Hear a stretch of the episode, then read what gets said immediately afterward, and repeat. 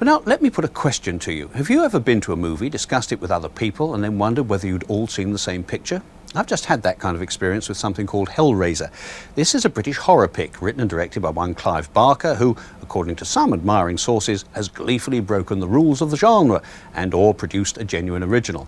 I read these comments with total bemusement because, as far as I'm concerned, Hellraiser is a nasty little film that I watched with a deep and, if not original, then certainly genuine loathing.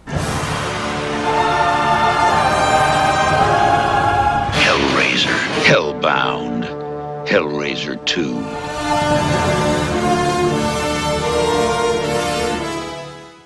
Hoi en welkom bij Julius versus Jasper, de Schokkend Nieuws podcast, waarbij we elke aflevering weer twee genrefilms bespreken. En aan het einde van de rit bepalen welke van die twee eh, van de aardbodem moet verdwijnen. Want dat is de regel die we onszelf opleggen. En mijn naam is Jasper en daar zit ook Julius. Hoi. Dag Julius. En eh, ja, meteen maar met de deur in huis vallen. Vandaag is, staat Hellraiser op het programma. Ja, ik, wou nog, ik ben helemaal geschokt nog dat jij hoi zei en niet eh, hallo tegen de luisteraars. Maar oké, eh, dat, is, dat is goed. Ja, dat Ja. komt omdat jij aan het begin van de aflevering, voordat we opnamen, zei wie zegt er hoi. En toen dacht ik, nou laat ik dat dan ook maar eens een keer doen. Ja, nee, dat, nee, maar ik vind het, ja, het is een beetje, het is hipper, het is jonger, het is vernieuwender. We zijn hip, jong en, en nieuw. En daarom gaan we het eh, over een onderwerp hebben waar we het eh, jaren geleden, toen we nog echt jong waren, eh, ooit eens over hadden. Ja, Ik weet niet of de, de luisteraars, nou, zal ik de luisteraars die niet die vorige aflevering van ons, die zes uur duurde van Batman, die die niet hebben gehoord. Eh, daar zeiden we aan het einde al, hè, Hellraiser, hebben we het alles over gehad. Mhm. Dat was aflevering 11. Dat is lang geleden. ja, Ehm, maar toen hadden we het over Hellraiser als gehele serie tegen Friday the 13th als gehele serie. Ja. En volgens mij, als ik nog even. Want ik sta nog steeds 100% achter het argument wat ik had voor de hele serie. Maar volgens mij kwamen we in die aflevering wel tot de conclusie. Nou, qua de eerste. En misschien de eerste twee films. wint Hellraiser toch echt wel van Friday the 13th. Ja, dat was mijn punt. Dat de, geen enkele Friday the 13th is zo goed als de eerste twee Hellraiser films, wat mij betreft. En ja, geen enkele Friday the 13th is zo slecht als veel van de latere Hellraiser Oké. Maar dat was mijn eh, punt inderdaad. Hoeveel ik ook van Friday the 13th hou, dat ik toch liever die twee heel goede eerste Hellraiser films eh, heb. Maar nou moeten we alsnog weer kiezen. En in het universum waar ik schijnbaar in aflevering 11 voor gekozen heb. bestaat Hellraiser niet meer. Ehm, Nee, dus jij, ja, hoe, hoe, doe- hoe doe je dat dan? Ik heb geen idee. Ehm, jij moet maar vertellen. Nou ja, Hellraiser is een Britse horrorfilm uit 1987. Eh, gemaakt door, door Clive Barker. Nou, laten we daar maar eens mee ja, beginnen dan. laten we daar eens beginnen. Hoe is, wie is Clive Barker voor jou? Heeft hij een rol in jouw leven? Ik ken Clive Barker eigenlijk voornamelijk als regisseur. Ik zag Clive Barker vroeger als eh, in dezelfde categorie als Wes Craven en John Carpenter. Als in een, een, een horrorregisseur. En kwam eigenlijk pas later erachter. Nee, hij is eigenlijk voornamelijk schrijver. Ja. Eh, dus met de schrijver Barker eh, daar, heb ik niks mee. In ieder geval ken ik niet. Ik weet niet hoe dat voor jou dus is. Ik be- heb, ben toevallig net eh, The Damnation Game aan het lezen, zijn eerste roman. En ik ben bijna uit. Heel goed, vind ik. En heel, ja, hij is heel goed in heel plastisch, expliciet beschrijven hoe lichamen gemutileerd worden. Wat je ook wel zou verwachten als je zijn, zijn films ziet. Tenminste, Hellraiser dan. Misschien moeten we, ja, over Barker kunnen we in ieder geval zeggen dat iets wat hij schreef was, was in ieder geval Books of Blood. Dat is schijnbaar wel bekend mee geworden. Ja. En ehm, ik weet voornamelijk, ik weet niet, heb je daar ooit iets van gelezen? Nee. Nou, dan kunnen we daar snel voorbij. nee, die, hebben, die, die, die wil ik nog wel. Die staan wel op het lijstje, maar die heb ik nog niet gelezen. Want wat ik vooral daarvan interessant vind, is dat daar de eerste verfilmingen van Barker ook vandaan komen. Ja. En hij schreef zelf een script voor de film Underworld, die ook bekend is als Transmutations, maar die heb ik nog nooit gezien.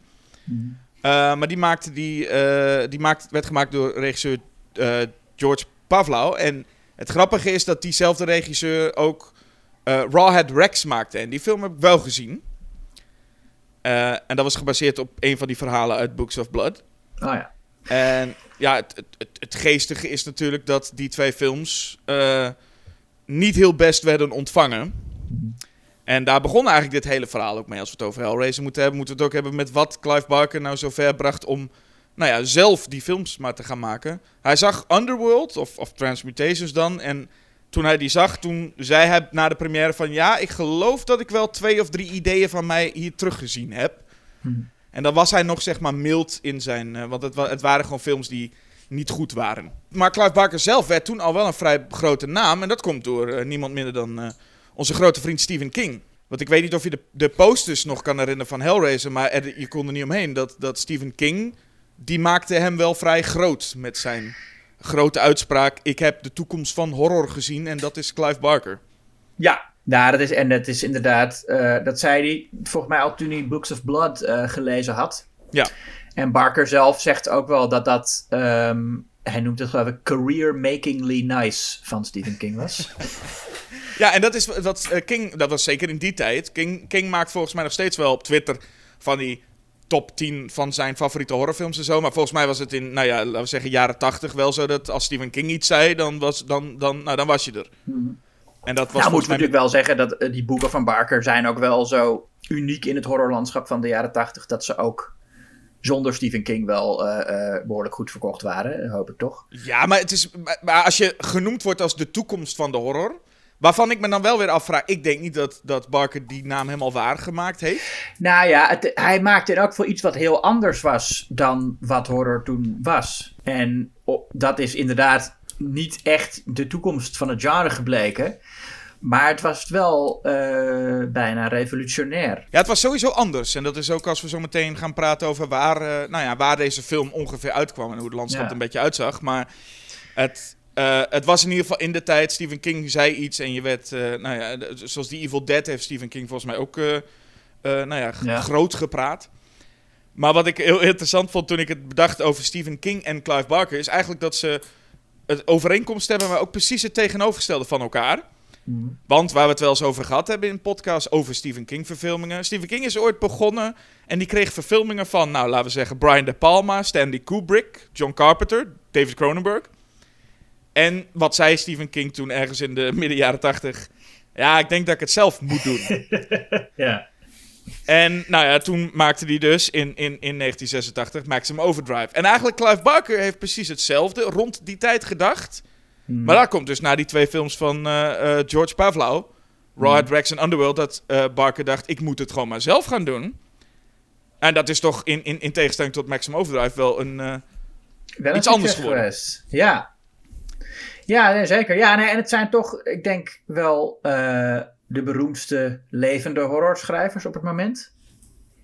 En ik moet zeggen dat Stephen King prima boeken schrijft, maar dat Barker toch wel echt de meer literaire schrijver is. En ook echt de, de meer ambitieuze schrijver, denk ik. Bij Stephen King is het, ja, het, ik, ik vind hem goed hoor, maar het zijn toch, eh, zeker qua proza, is het niet, stelt het niet zo heel veel voor wat Stephen King eh, schrijft. En bij Barker staan er echt zinnen in dat je denkt, oh, dat is wel eh, vrij prachtig. Ja, en ik weet ook niet in hoeverre Barker nu, hoeveel die nu nog schrijft, omdat of hoe zijn kwantiteit is. Want, want King die, die, die pompte volgens mij sowieso nog elk jaar wel een, een boek Ja, nee, uit. die is, ja, nee, dat is, dat doet Barker niet. Nee. En we gaan het dan hebben over Hellraiser, de film die hij uiteindelijk ging maken. Maar hij wilde eigenlijk een andere film als eerste regiedebuut, eh als regiedebuut maken. En dat was The Last Illusion. Eh, dat was een van de verhalen uit, eh, uit de Books of Blood. Ehm, maar daar bleek het budget gewoon echt niet... Ja, daar, daar kon je gewoon voor dat budget niet maken. Dus ze zeiden van, je kunt beter... eh, en dat heeft hij ook later gedaan. Hij heeft later Lord of Illusions gemaakt. Eh, die ik nog steeds moet zien. Ja, Maar dat, wa dat was schijnbaar de film waar, eh, die, die, die Clive voor, voor ogen had. Maar het was beter om voor zo'n eerste film maar even een verhaal te hebben met drie mensen in een huis. Nou, dan, Ja. moet, je, dan moet je de Hellbound Heart hebben. Hè? Ja, ja. Nou ja, la- nou goed, we gaan gewoon. Ja, la- nou, daar zijn we er eindelijk. Ik zag eh, vroeger altijd in, de, in de plaatselijke videotheek. ehm, was deze videohoes een van de hoezen die mij de meeste angst aanjoeg als kleine Julius. Ja, volgens mij is er maar één hoes die ik me in ieder geval zo kan herinneren. Maar dat is gewoon puur Pinhead. Die kijkt een beetje boos. Ja, de Hellraiser zit daar dan. De Hellraiser zit er. Ja. Ja. Eh, ja, nou ja, maar dat is net zoals, net zoals Tim Curry eh, op, op de hoes van eh It's, toch? Eh, daar zie je It's the Clown. En eh, hier zag ik Hellraiser. En het is ja, zo'n zo'n iconische hoes die toch wel tot de verbeelding spreekt. Van waarom heeft die man al die spijkers in zijn hoofd? Nou ja, daar kom je in Hellraiser eigenlijk nog niet per se achter. Eh, Nee, is dat, ik, ja, of dat zou inderdaad een goede vraag kunnen zijn. De vraag, ik denk dat het sowieso is, als je als jonge jongen of meisje die, die film, die hoes ziet en je denkt, oh, daar heb ik zin in. Of het sowieso niet wat teleurstellend kan worden, deze eerste Hellraiser. Ja, nou, ik weet nog toen ik hem dus eindelijk durfde te huren, toen ik een jaar of twaalf was, was dat nog wel spannend. Maar ehm, hij was heel anders dan ik me had voorgesteld. Want je, kent, ja, je verwacht van Hellraiser toch wel veel eh helse taferelen. En, en je verwacht natuurlijk ook dat, dat de Pinhead en zijn vriendjes daar eh, een, een prominentere rol in spelen. Ja. En wat je dan te zien krijgt is gewoon een verhaal met een, over een vrouw die vreemd gaat met een, eh, met een gevilde man. Ja. En die mannen vermoordt om die man weer tot leven te brengen. Dus ik was wel verrast, maar niet per se teleurgesteld. Nee, wat ik me vooral nog kan herinneren toen ik deze film voor het eerst zag, was in de. Ah, ook eigenlijk in de tijd waarin die uitkwam. Ja, toen heb ik hem niet gezien, want toen was ik één. Maar ehm, dat was een beetje de tijd waarin ook eh, de, de Nightmare on Elm Streets op een, eh, op een bepaalde hoogte zaten qua eh, succes. En toen ik deze films ook bij een beetje zo... Nou, dan, dan zie je een keer een Nightmare on Elm Street. Je ziet eens een keer een Friday the 13th. En dan zie je deze. En toen viel al wel op dat die anders was. Ja, En wat mij vooral opviel toen was de viezigheid. Maar dat was dan niet eens de viezigheid van de, het bloed of de gore. Maar vooral hoe, hoe, hoe smerig die verder die film ook eigenlijk is. En dat is die, al, die insecten en maden. En dat, Ja. dat, dat kroelt daar maar. En, en je, hebt, je hebt dan op een gegeven moment mannen in vieze witte onderbroeken of zo. en, en je hebt eigenlijk dat eerste shot al dat, dat, dat Frank eh, de, dat die box gaat kopen. Dan zie je die nagels en die zitten echt helemaal onder het zand. Ja, En het, en, en, en het voelt minder gelikt dan laten we zeggen een, een Nightmare on Elm Street 3 of 4. ja, die waren heel clean. En Ja. dat waren ook echt hippe tienerfilms natuurlijk. En dit is een film, nou wat voor, er zit wel een tienermeisje in, maar het gaat toch vooral over een vrouw van tegen de 40 of zo. Die ehm, ook zelf een, een seksueel verlangen heeft. Dat staat heel erg centraal in, in, in die film. En dat is sowieso zeldzaam in films uit die tijd. Dat je überhaupt eh, de- de- het seksuele verlangen van een vrouw van tegen de 40 zo centraal staat. En dan eh, in het horrorgenre was dat al helemaal. Nee, het ging over geile tieners die doodgaan als ze neuken. Ja, en ik weet dat er ongetwijfeld wel, wel wat studiobemoeienissen waren. Deze film is werd eh, geproduceerd ook door New World Pictures, die oorspronkelijk de studio van Roger Corman. En, en ik weet dat er wel studiobemoeienissen zijn, maar ik, ik, ik vraag me soms af welke dat er zijn. Maar als ik nu zou moeten inschatten, zou het überhaupt de hele toevoeging van Kirsty voelt als een, een studio-notitie van... Laat het niet alleen maar over mensen van middelbare leeftijd gaan. In het boek zit zij wel, alleen is ze niet de dochter van, eh, hoe heet hij? Larry. Of in het boek heet hij Rory. Ehm, maar ik- dat voelt zo als we van, oh, we moeten ook een tienermeisje hebben. Terwijl het verhaal van Hellraiser gaat in principe over een driehoeks... eh, ja, een driehoeksverhouding van drie mensen op, van middelbare leeftijd. Ja. ja, en ik denk ook dat wat de studio. Ik denk als Clive Barker zich geen zorgen hoeft te maken, hoefde te maken over de studio, dat hij er dan ook veel eh, seksueel explicieter had gemaakt. Want je weet hoe Amerikaanse censuur, de MPAA, eh, qua geweld mag heel veel, maar qua seks eh, bijna niks. En nou ja, Barkers boeken kennende zou ik wel zeggen dat, dat hij veel meer ook met de seksuele kant, want het is natuurlijk een film die gaat over sadomasochisme. En die, de, de, de outfits van de Cenobites zijn ook vrij duidelijk geïnspireerd door eh, BDSM-clubs waar Barker kwam in New York en ook in Amsterdam trouwens. Eh, en, en daarvoor heeft hij die inspiratie gehaald van die, van die leren pakjes en zo. Nou, dat is allemaal heel duidelijk te zien natuurlijk. Maar ja, toch zijn die films niet zo sexy als ze hadden kunnen zijn. En als ze misschien ook hadden moeten zijn. Want ja, even, ik zou, meteen, dit hebben we eigenlijk helemaal nog niet benoemd. Maar het concept van deze podcast is, we nemen het elk voor een andere film op. Dus Oh ja. misschien nog even goed om te vermelden dat... eh, ik zal de eerste Hellraiser die we nu al aan het bespreken zijn, eh, zal ik het voor opnemen. En jij gaat voor eh, Hellbound, waar we straks op komen. hè? Ja. Even nog even wat huishoudelijks. Ehm, maar als we het dan over die studio, mogelijke studio bemoeienissen, wat mij dus opvalt, we zei, je zei het al, ik heb die poster gezien met, met, met Pinhead erop. Wij allemaal nog geen idee dat die man, beste man Pinhead heette, want alleen de crew noemde hem zo. Ja. Ehm, maar, het is, maar het viel mij nu op dit keer dat de Pinhead en ook de andere, de vrouwelijke Cenobite, al heel snel te zien zijn. Ja. En dat is iets waarvan, waarvan ik toch nu denk. Vroeger dacht ik van, oh fijn, en ik vind ze eigenlijk nog steeds veel te weinig in zitten. Nu vind ik het jammer, merk ik. Ik vind, merk dat ze in het begin even te zien zijn. En dan op een gegeven moment gaat Frank, eh, eh, als, als, als huidloze Frank, gaat hij wat, wat, wat vertellen over wat hem is overkomen. En dan zie je ze nog een keer even in flitsen. Ja. En ik merk echt dat ik het jammer vind. Ik had ze eigenlijk in de befaamde ziekenhuisscène van met eh Kirsty, daar had ik ze eigenlijk nu terugkijkt, het liefst voor het eerst willen zien. Ja, dat, dat, dat, kan, dat zie ik wel. Dat, je dat, eh, dat is ook de manier waarop je het nu zou doen. Je monster zo lang mogelijk buiten beeld eh, houden tot het einde. Ja. Ja, Maar Clive Barker was ook meer van het laten zien.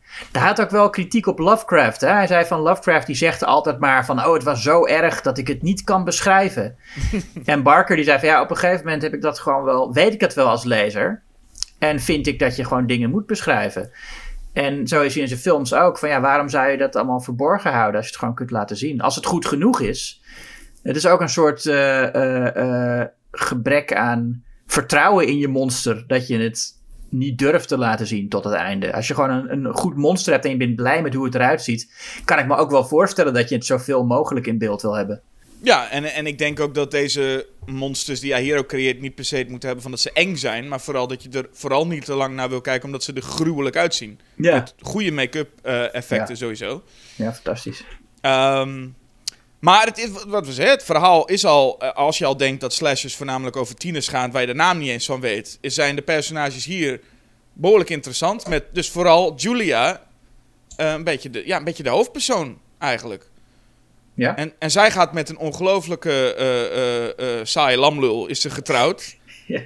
En, en die, daar gaat ze dan mee in een huis. Ik, ik voel meteen ook Julia, eigenlijk, moet ik zeggen. ja. Want zij, ja, het is een beetje de vraag hoe ze haar neerzetten. Dat ze is zo onsympathiek, ja of nee. Maar je komt hier met een beetje een saaie lamlul, komt ze dat huis binnen. Dat zit onder de maden en het is vies. En, en nou, dat is de, daar zou niemand willen wonen. Hij zegt dan, nou, zullen we hier maar gaan wonen? En dan denk je ook van, ja... eh, ze- ze- En dan gaan ze ook meteen verhuizen, hè. Dus het is Ja. ook dat je echt wel... Ik voel haar wel, dat je denkt... Oh, meid, waar, waar ga je... Waar, waar ben je nu beland? Ja, het is, hij is een lullig mannetje. Die toch heel erg de leiding neemt of zo. Want het is inderdaad het is het huis van zijn broer geweest. De broer Frank, die in de openingsscène hebben we gezien wat er met hem gebeurd is. Ehm, namelijk dat hij door de Cenobites uit elkaar gescheurd is. En dan neemt eh, eh, Larry inderdaad haar mee. En dan zegt hij ook tegen haar van... Nou ja, maar luister nou, het is toch hartstikke goed. We zijn weer terug in Engeland, waar jij vandaan komt. En ik heb een heel goede baan hier. Dus hier moeten we gewoon, dit moeten we gewoon gaan doen. Dus op dat, op dat gebied is hij dan heel erg, eh, neemt hij heel erg de leiding. En luistert hij niet echt naar haar bezwaren. Maar hij is ook echt een, soms gewoon een klein kind. En als hij zo zijn handje openhaalt aan die spijker... Nou, ja, dan kun je zeggen, hij is een klein kind. En ik weet ook hoe hij daar op haar afkomt lopen met... Ja. Ik heb, ik heb au. Ik heb Maar bloed. als je ook ziet hoeveel bloed eruit komt, denk ik... Ja, misschien moet je ook wel echt naar het ziekenhuis. Ja, nee, natuurlijk moet hij naar het ziekenhuis. Maar hoe hij Ja, maar er, komt, er komen liters bloed zo ongeveer uit dat, Ja, nee, uit dat dat- kleine mondje. eh, nee, tuurlijk. Nee, hij heeft een flinke jaap in zijn hand. Maar dan komt hij inderdaad bij haar binnen. En dan is hij ook van boven gefilmd. En dan ziet hij een heel klein mannetje wordt hij dan. En dan komt hij met zijn uitgestoken handjes. Komt hij zo naar binnen. En hij zegt helemaal niks. Hij staat daar gewoon die handen te presenteren van... Kijk, mama. Ja. En dan neemt zij mee naar het ziekenhuis. En dan kom- komen ze ook nog Kirsty, zijn dochter, zien ze dan op de trap. En die vraagt dan, wat is er gebeurd? En dan gaat Julia vertellen, hij heeft een ongeluk gehad. En Larry die staat er gewoon bij en die kijkt naar de grond. Die zegt helemaal niks. Hij is helemaal in shock. Ja, nee, maar dat is, dan, ja, dan zet je hem echt neer als een klein kind. Ja, dat is wel waar. Er moet trouwens even één kleine correctie wat jij Mhm. zei. Want jij zegt dan heel specifiek dat Larry komt met Julia binnen en zegt dan van... hé, hey, we zijn terug in Engeland. Maar als er nou iets niet mocht van de studio... Ja. is zeggen dat het in Engeland was. Oh, nou ja, eh, we zijn terug waar jij vandaan komt, zegt Ja. hij dan toch? Want ze maken er toch echt heel erg. eh, nou, het was echt. eh, volgens mij alles wat betreft seks en gore, dat mocht allemaal wel. Maar zeg niet dat je in Engeland zit. Want dat gaan Amerikaanse mensen niet leuk vinden. Dus daarom zijn er ook een paar acteurs gedubt. En wordt er echt heel mysterieus gedaan over waar, waar dit zich afspeelt. Ja, nou ja, als ik, als ik Julia's accent hoor en die man zegt, you're back where you came from, of wat hij ook maar zegt, dan is het toch wel, nou ja. Ja, maar nee, zodra Amerikanen Ja, horen dat ze van... hé, hey, we zijn weer in Engeland... dan stappen ze allemaal met massaal de bioscoop uit. fuck? Ik dacht Ja. dat ik gewoon een Amerikaanse film moet kijken, waar zitten ze in Engeland? Wat mij opviel is, ze zijn een matras aan het verhuizen. En dat matras wordt uiteindelijk belangrijk in de hele film en zelfs de volgende film. Maar ze zijn gewoon het matras aan het verhuizen. Dan hebben ze de matras half op de trap staan. En dan zegt eh, eh, een van die, dan zeggen ze even pauze. En dan Ja. blijven ze daar dus staan. En er zit, één, die, die, er zit één man, die zit gewoon geklemd tussen de trap en het matras. Ja. En dan zegt hij van, oh, ik ga even bier halen. En dan gaat Larry ook bier halen. Die stapt ook van die trap af. En die andere twee mannen blijven staan. En dan krijgen ze ook het bier toegegooid. En die man, Ja. die blijft dus gewoon bier drinken... terwijl die tussen een matras en een trap geklemd zit. En ik Ja. dacht ook van, jongens, kun je niet even... eh, pauze, pak even een stoel. Ik vind het, zo, ik vind het altijd zo leuk, verhuizen. En vooral matrassen eh, de trap op. Dat het leuk is. Ik heb dat el, ja, elke keer als ik het doe, denk ik, ik ben gewoon echt lekker ergens mee bezig. En straks neem ik een biertje inderdaad. Maar ik ga dat niet tijdens het eh, verhuizen doen, nee. Niet tijdens dat je half met een matras op de trap staat. Nee. Zou ik in ieder geval niet, eh, eh, niet doen. Maar Maar ook daar zie je trouwens, die gasten maken dan nog een opmerking over, over Kirsty, hè? Van, eh, weet ik wel wat ze zeggen, maar dat ze er lekker vinden of zo. En dan gaat Larry ook, die negeert dat helemaal. Die, die, Ja. die gooit gewoon zo'n biertje naar. Ze zegt, hé, hey, hoe is het? Die nee, komt helemaal niet op voor zijn dochter of zo. nee, dat is, eh, en dat doet hij later nog veel erger niet. Ja. Als ze bij het etentje zijn. Maar goed, we hebben het eerst over dat, dat verhuizen. En dan moeten we even naar... Kijk, ze verhuizen. En dan heb je wel een mooie scène waarbij Larry kreunt terwijl hij dat matras omhoog doet. En dat ondertussen is Julia terug aan het denken aan de keer dat zij seks had met Frank. Ja. En dat, gaat, die, dat gekreun gaat dan... eh, dat, dan wordt het heel mooi heen en weer gesneden. Ja. Ehm, En dat maar- was op, op hun huwelijksdag. Toch dat Frank. eh, En Frank is volgens mij een van de acteurs die wel gedubt is. Althans, Ja, dat is hij zeker. dat, eh, dat meende ik te horen. Eh, heel duidelijk, ja. Ehm, maar eh, dat was op, op. En het is wel. Het is echt heel romantisch gefilmd. Het is een beetje. Het doet me denken aan de cover van die boeketromannetjes. Die, boeket, boeketromannetjes die je bij de supermarkt ziet. Ja, dat kan. Ja, zo is het Hoe hij zo nat geregend in die deuropening staat. Knappe man. Ehm, ja, heel sprookjesachtig. Ik heb ook heel vaak het gevoel bij deze film dat het een soort sprookje is. Ik heb bij het begin al, om even terug te springen naar de, naar de openingstitels, die muziek die je daar hoort. Heel mooie score. Echt een beetje sprookjesmuziek. En dan nou heb je natuurlijk dat, het, magische object, eh, die, dat puzzeldoosje. Eh, dus dat is echt horrorsprookje. Maar ook zo'n zo'n scène waarin Frank eh, bij de toekomstige vrouw van zijn broer aankomt. En zegt van, hoi, ik ben Frank. Jij gaat met mijn broer trouwen, maar zullen wij nou even gaan neuken? En dat ze dat meteen gaan doen.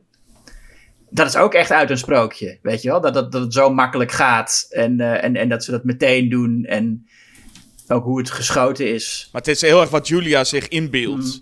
En het is heel erg inderdaad, Ja. jij zegt, jij zegt ik, ik weet niet wat het over ons zegt. Jij zegt sprookje, ik zeg porno. Want het is ook heel erg hoe, eh, hoe, hoe een porno... Weet je wel, de, de pizzacourier komt langs. Dus hij komt, Ja. zijn broer staat langs. Ik kom voor de bruiloft, ik ben nat geregend. Och, even omkleden. Nou ja, dat is een beetje hoe... En, en je ziet wel meteen, la- naast dat we Larry hebben leren kennen... Zie je ook meteen dat Frank, ja, dat is een, eh, dat is een bad boy, maar wel zo eentje waarvan je denkt van, ja, dat, eh, je snapt wel dat je daar, eh, ondanks dat hij nat geregend is, dat je daar wat nat van wordt van, Ja. van deze man. En eh, ja, dat vind ik dus ook heel fijn aan, aan, aan Julia, dat ik ergens wel snap hoe ze zich, eh, want het was natuurlijk, ja, het is, het is niet goed als je gaat trouwen en je gaat met de broer van. Ehm, maar je snapt echt wel dat ze iets mist en dat ze echt ook wel terugverlangt naar die tijd. Want als zij dan dat huis binnenkomen, dan voor het eerst, dan is het allemaal dus heel goor en allemaal heel smerig. En dan ligt daar dus dat matras waar Frank ooit op geslapen zou hebben. En Julia is meteen ook een soort van geïntrigeerd. Die ziet die foto van, foto's van Frank en die is meteen van, oeh, is hij hier nog? Zou hij hier nog zijn? Zo, dat zegt ze ook. Ja, Dus je voelt dat ze een beetje echt in de ban is van Frank. ja.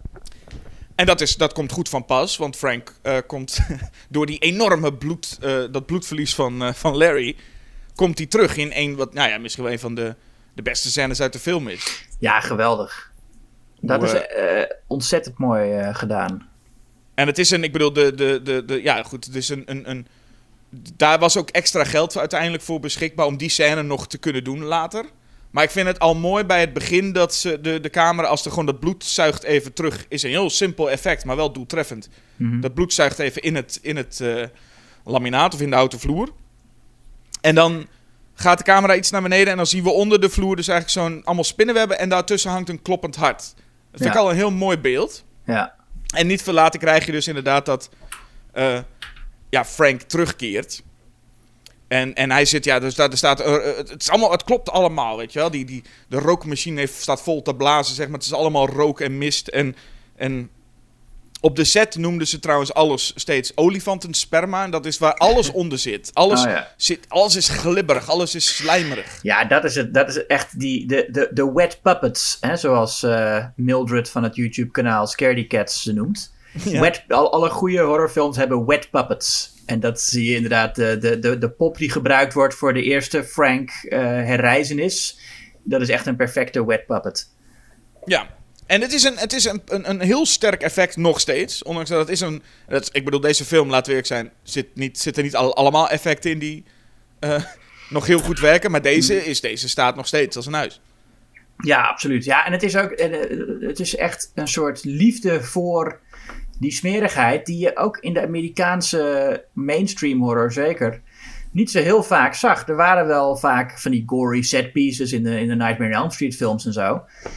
Maar zo als hier, dit is echt een beetje wat Fulci deed eh, in, in, in The Beyond en zo. En eh, ja, ik denk dat, dat Clive Barker eh, met Hellraiser toch dichter bij Lucio Fulci komt dan welke Amerikaanse regisseur van een mainstream horrorfilm dan ook. Het is echt die liefde voor het lichaam als een instrument en een canvas om kunst van te maken. Wat de Cenobites natuurlijk ook hebben. Zij beschouwen het menselijk lichaam als een soort object dat je moet vervormen en mutileren om er kunst van te maken. En dat, dat, is, dat doet Barker ook met die. eh, van ja, wat, wat kun je allemaal met een menselijk lichaam? Laten we eens even kijken. Weet je, hoe, hoe- op, op, op, op hoeveel creatieve manieren we dit niet, niet, niet eens kunnen kapotmaken, maar kunnen vervormen, zodat het op een bepaalde manier mooier wordt. Ja, en, en schappig dat je zegt, je noemde dan even ook Nightmare on Elm Street. En eh, wat ook een leuk iets is om te zien, dat kunnen we zo meteen eigenlijk dubbel bespreken. Want wat er dus gebeurde is dat die twee filmreeksen elkaar ook dus beïnvloeden. Wat je dus namelijk ziet is dat deze eerste Hellraiser kwam uit en toen kwam daarna Nightmare on Elm Street 4.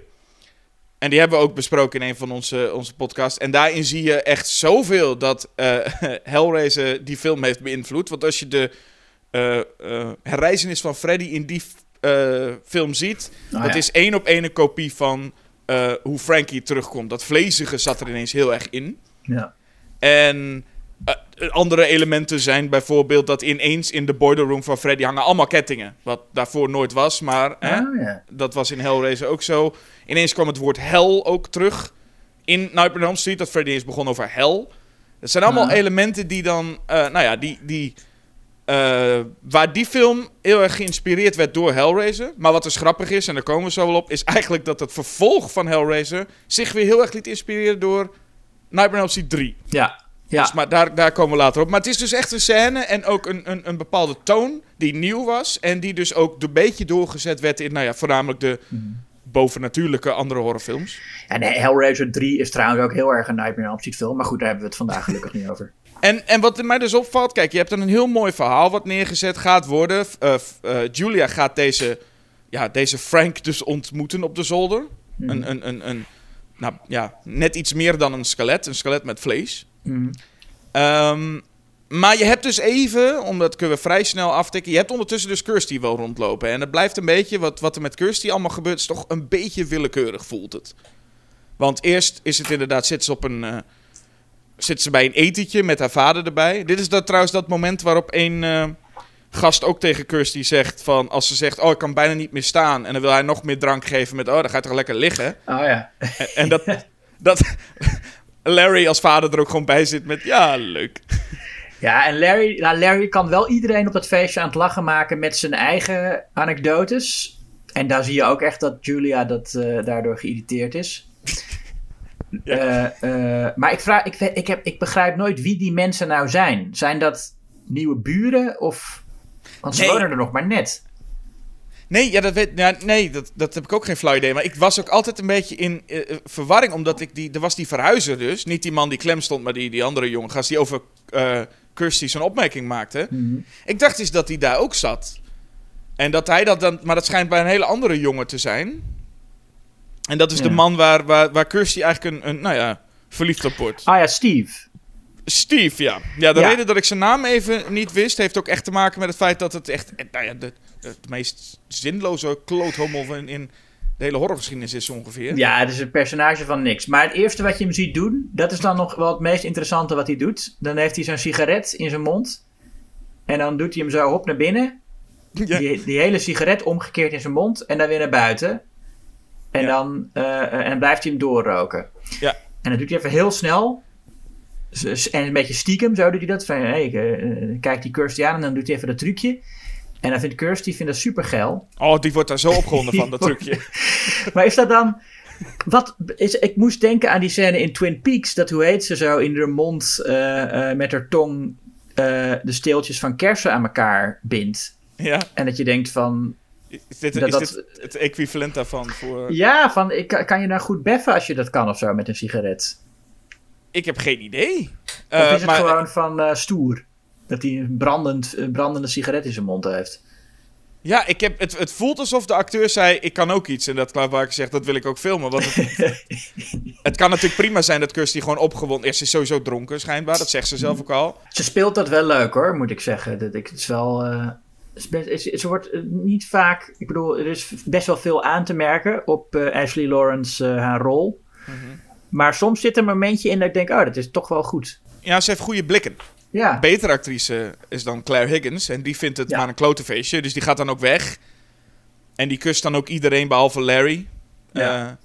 Eh, en ja, dan ontmoet ze dus, dus Frank. Maar we, oh ja, we hadden het over Kirsty. Want Kirsty is dan op dat feestje eventjes.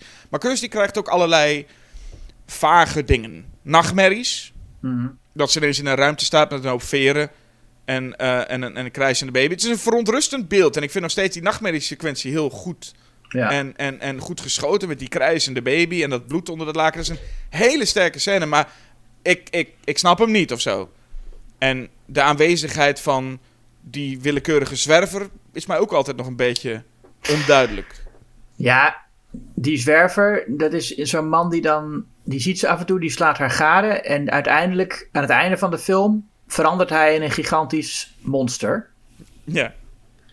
Maar het is, het, hij heeft natuurlijk ongetwijfeld wel een soort rol van betekenis. Maar het feit is dat het bij Kirsty gebeurt. En, en op eerst staat hij in een zeecontainer even toe te kijken. En daarna eet hij in een dierenwinkel krekels. Ja. En dit klinkt zo, zo, zo, zo random als het klinkt, is het voor mijn gevoel ook in de film. Ja. Nou ja, ik, wat het uiteindelijk is, hij was dan gewoon de, de baas van dat puzzeldoosje. Of de demon die daarover gaat. En hij was dan. Hij weet waar het puzzeldoosje is en hij, hij houdt een beetje in de gaten of die mensen, hoe, die, hoe die mensen daarmee omgaan of zo. Dat is het. En ik weet verder ook niet waarom hij er achter Kirsty aanloopt, want die is inderdaad een beetje zijdelings erbij betrokken. Ja, het is een plan van ik ga dan maar naar deze dierenwinkel in. Hé, hey, krekels, ik heb toevallig toch honger. Het, het, het, Nou, hij, hij moet ook eten. Ik bedoel, ja, tot zover wil ik nog wel meegaan. Ja. Maar waarom wij dat hadden moeten zien in een, Ja. in, een, in een film waarbij ik zou zeggen, wat wel enorm sterk is, is Julia die dus op mannenjacht gaat. Want dat is eigenlijk waar deze film over gaat. ja. En was er ooit, of zou er ooit een remake geweest zijn eh, in deze tijd, dan zouden we waarschijnlijk een Julia zien die allemaal Tinder dates zou gaan maken. Ja. Eh, hier moet ze nog ouderwets naar de kroeg.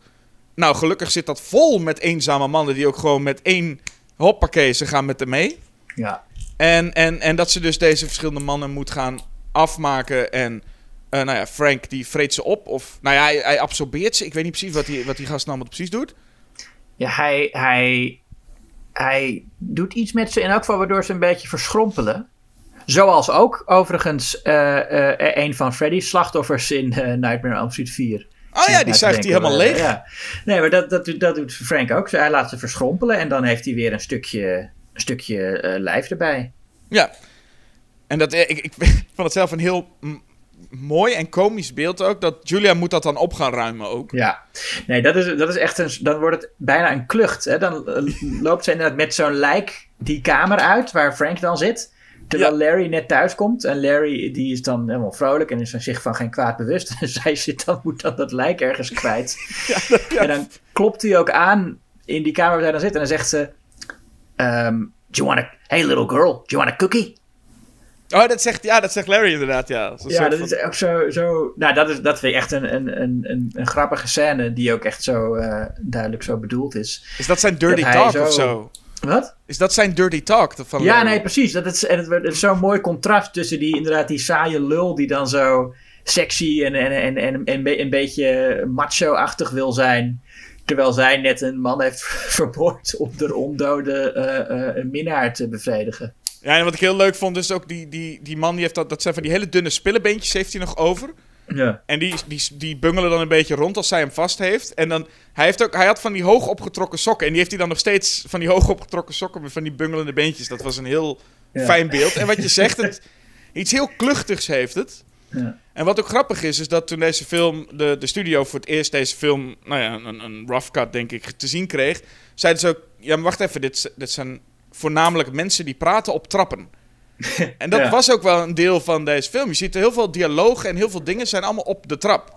Maar daar maakt hij ook goed gebruik van hoor. Je hebt op een gegeven moment staat ook, staat, eh daar heeft, heeft, heeft, heeft Julia net eh, Frank ontdekt geloof ik. En dan staat zij boven aan de trap en Kirsty staat eronder. En dan is Julia ook zo van onder belicht. En dan staat ze daar echt als, nou ja, de boze stiefmoeder, het sprookjesfiguur. Ja. ze daar te kijken. En eh, ja, Claire Higgins was een, een heel, eh, eh, nou niet, niet heel bekend, maar wel een heel gerespecteerd theateractrice. Heeft ook een aantal keer de, de Olivier Award gewonnen. En zij speelt ook echt heel theatraal. Wat ik vaak in een film niet zo goed vind werken, maar hier werkt het echt heel goed. En leuk dat je het zegt, boze stiefmoeder, dat is het wel een beetje. Ja. Hè? Zou, Ja, daar, zouden ze, daar zouden ze iets mee moeten doen in, in deze films. Een referentie of zo. Maar komt nog. Ehm, maar het is mooi en ik vind het, wat ik ook een, en ik vind het ook een heel mooi beeld. Hè? Dat, dat de huidloze Frank, die dan op een gegeven moment zo'n wit overhemd aandoet en dan zo'n sigaret rookt. Het, het, het, is, het is ergens wat komisch, absurdistisch en het ziet er ook gewoon cool uit. Ja. Goede make-up ook. ehm, en ja, ze hebben daar dus een dunne acteur voor gebruikt. Wat handig was, want hij werd toch gedubt. Dus het is gewoon dezelfde stem. Ehm, en wat, wat, maar wat het dan nog komischer maakte, vind ik. Want het is een mooi beeld, die, die, die huidloze Frank. Maar dan. Wat ik een van de grappigste dingen vond, is dat hij dan een man nog vermoordt. Volgens mij een van de laatste die hij moet hebben. En dan komt Kirsty dus binnen. En, dan zijn ze, en, en Kirsty is dus getuige hoe deze huidloze man een andere man vermoordt. En dan zegt hij: Oh, Kirsty, Kirsty, ik ben het maar, je oom Frank. ja. Vond ik zo geestig. ja. Dat je denkt, hij probeert het in ieder geval. Zo van, nou, misschien kalmeert ze wel als ik... Hè, ik, ben, ik, ben maar, ik ben maar oom Frank, joh. Het is wel die kamer waar hij zit, hè? Dat is nog wel iets wat, wat, wat dan niet echt werkt. Ze hebben een nieuw huis. Ze denken, nou ja, deze kamer eh, is er, maar die hebben we blijkbaar niet nodig. Dus die houden we gewoon in de vervallen staat waarin die is. De, de, muren zijn, het behang is afgebladderd, alles is een goor. De ramen zijn volgens mij ook kapot. En niemand die daar naar omkijkt. eh, Larry komt nooit in die kamer. Daar zit gewoon, kan Frank rustig eh, eh, zijn huidloze leven leiden. Julia is de enige die ooit die kamer in gaat. En het gaat heel lang door voordat hij dat ontdekt hoor. Ja, maar ik had, het ook, dat, ik had ook echt het gevoel dat ze überhaupt niks aan het huis echt gedaan hadden. Dus dat Larry ook een beetje zo was van, nou... En je ziet zo'n huis dat helemaal nou ja, naar de tering is. En dat hij dan zegt, nou, zondag gaan we verhuizen. en dat ze dan dat Ja. matras naar binnen slepen. Dus ik heb bijna het gevoel, heeft hij nou gewoon al die maden laten liggen... en gewoon zegt, nou, gooi de matras eroverheen, wij slapen hier. Ja. Maar ehm, ja, Kirsty gaat, eh, ondanks dat ze niet zo'n hele, nou ja, of belangrijke rol in, dat, in die driehoeksverhouding heeft. Maar eh, ja, dan komt het moment dat zij naar het ziekenhuis gaat. Kirsty wordt wakker in dat ziekenhuis. En het eerste wat zij ziet is een zuster die in dat ziekenhuis erbij zit. En die zit naar een televisie te kijken met een bloem die open gaat. Ja. En ik vond dat al een heel bijzonder beeld. dat daar een zuster dus zit te kijken naar een, naar een, te- een oude televisie. Met een bloem die open gaat. Die denkt, zitten we nou al in een nachtmerriescène of wat is dit? Maar het is gewoon een zuster die gewoon wacht tot ze wakker wordt. Ja. Dan komt de arts erbij en dan wordt er ook gezegd, ja, de politie wil je spreken. En ik denk de hele tijd, wat heeft nou gedaan eigenlijk? Waarom wilde nou de politie? En, wat, wat? en die arts is ook boos op haar, geloof ik. Met ja, en hier is dat doosje. En, en nou, dit eh, zal je wel even. eh, denk, denk hier maar eens aan. Ik denk, wat, wat, wat, heeft, ze- wat heeft ze misdaan? Ja, ze is nou, flauw nee. gevallen. ja, nee, maar goed, er zijn allemaal zijn mannen vermist. Ja, maar dan weet ze niet dat zij daar iets mee te maken heeft. Nou, viel maar dat, gewoon dat, ergens. dat vermoeden ze wel. Nou, vind ik knap dat zo'n arts ineens dan. Ja, nee, dat slaat ook nergens op. Maar goed, het, het is een reden om haar alleen in een kamer te krijgen met een doosje. Ja, En oh, ja, heb jij enig idee? Dat is een puzzeldoosje. Mhm. Heb jij enig idee hoe die puzzel werkt? nee. Nou, je, moet hem gewoon, je maakt hem open en dan moet je er een andere vorm van maken. Of zo. Ja, maar je zit er gewoon een beetje aan met je vingers of zo, toch? Ja, en ja, je, je, je, je, je maakt... Het is zo'n ding dat dan moeilijk is om open te krijgen. Maar nee, maar hoe, het, hoe, hoe die puzzel werkt, dat weet ik niet. Dat, dat, is, dat is ook niet... Dat, die, dat, dat gaat gewoon... Als je op een bepaalde manier dat ding aanraakt, gaat die open. Ja. Ja, ik merk ook dat in, in, in deze film wordt er nog wel... Je krijgt in de openingsscène met Frank krijg je nog het gevoel... die zit daar dan al heel lang. En die is al heel lang bezig met kijken hoe het werkt. En hier wordt het al ietsje sneller. En ik geloof dat in de vervolgfilms dus echt niet meer moeilijk. Dan is het echt, je raakt het met één vinger de doosje Ja. aan en op, hij is open. Klik. Ja. Ja. Maar goed, dan gaan opeens gaan de, gaan de muren open in dat ziekenhuis. En dan is daar een gang. En dan, ja, dat is dan iets waar ik eh, ehm, het, wat, het net wat minder vind. Dat eh, Ashley Lawrence moet dan spelen dat ze een soort onverklaarbaar verlangen heeft die gang in te gaan, heb ik het idee. En dat is iets wat Clive Barker ook wel vaker doet in zijn boeken. Ook in Damnation Games zitten momenten dat er dan is een enge kamer. En het personage weet dat die kamer eng is, maar toch is er een soort niet te onderdrukken verlangen daar naar binnen te gaan. En dat is dan, het is, dat is niet zo heel moeilijk om in een boek te schrijven, maar het is wel heel moeilijk om te spelen, lijkt me. En dat zie je hier ook wel. Ik heb niet het idee dat Kirsty nou echt, eh, dat maakt ze net niet overtuigend. Dat ze eigenlijk, dat, dat er een soort raar verlangen is dat zij die gang in moet.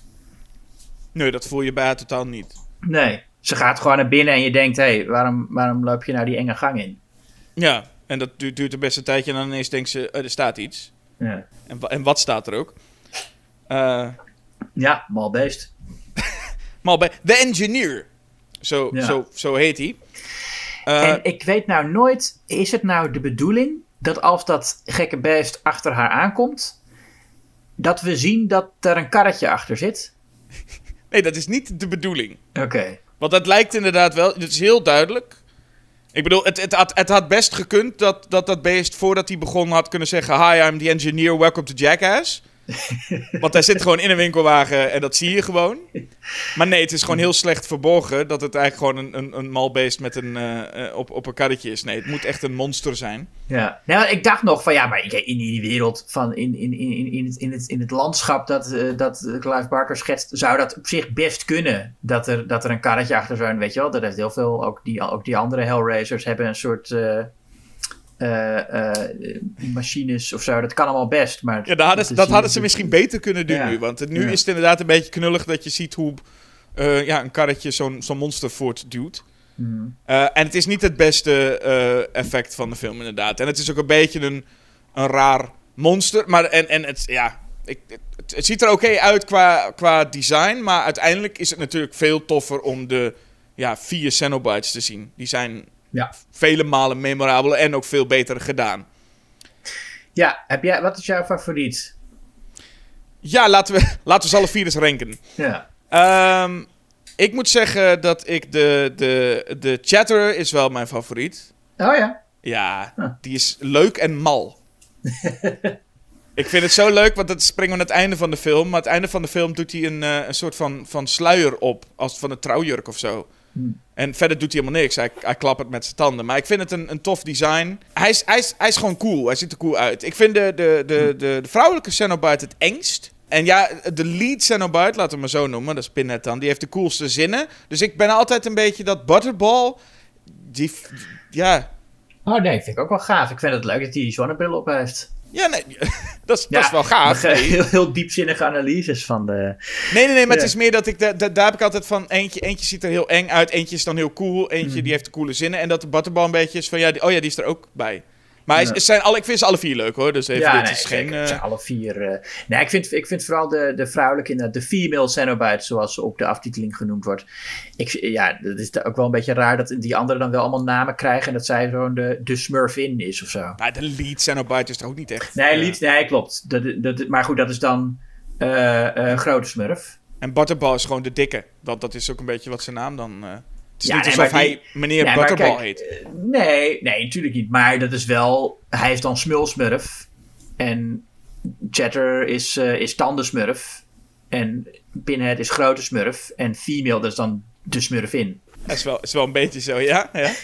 Ja. maar goed, dat, dat, dat, dat maakt verder niet uit. Dat, dat weet je toch alleen maar van de aftiteling. eh, hoe, die, eh, hoe, die, hoe die beesten allemaal heten, zogenaamd. De Cenobieten. De Cenobieten, ja. Dat is een Nederlands woord, hè? Dat betekent gewoon monnik. Cenobiet. Oh, de monniken. Ja. Dat zijn het. Ja, en ehm, ja, goed, kijk, je krijgt meteen de, de soort van, nou ja, de, de, de bekendste zinnen. Eh, De, de, de, de Doug Bradley sp- spuwt hier de, de, de ene naar de andere one-liner die bekend is geworden. Maar het is wel interessant, dat we hebben het nu over deze vier. En dat was natuurlijk ook gewoon altijd de bedoeling. Deze vier hoorden bij elkaar. Dat men helemaal niet door had daar dat, nou ja, eh, en ook niet verwacht had waarschijnlijk, dat Pinhead de grote held zou worden. Ja.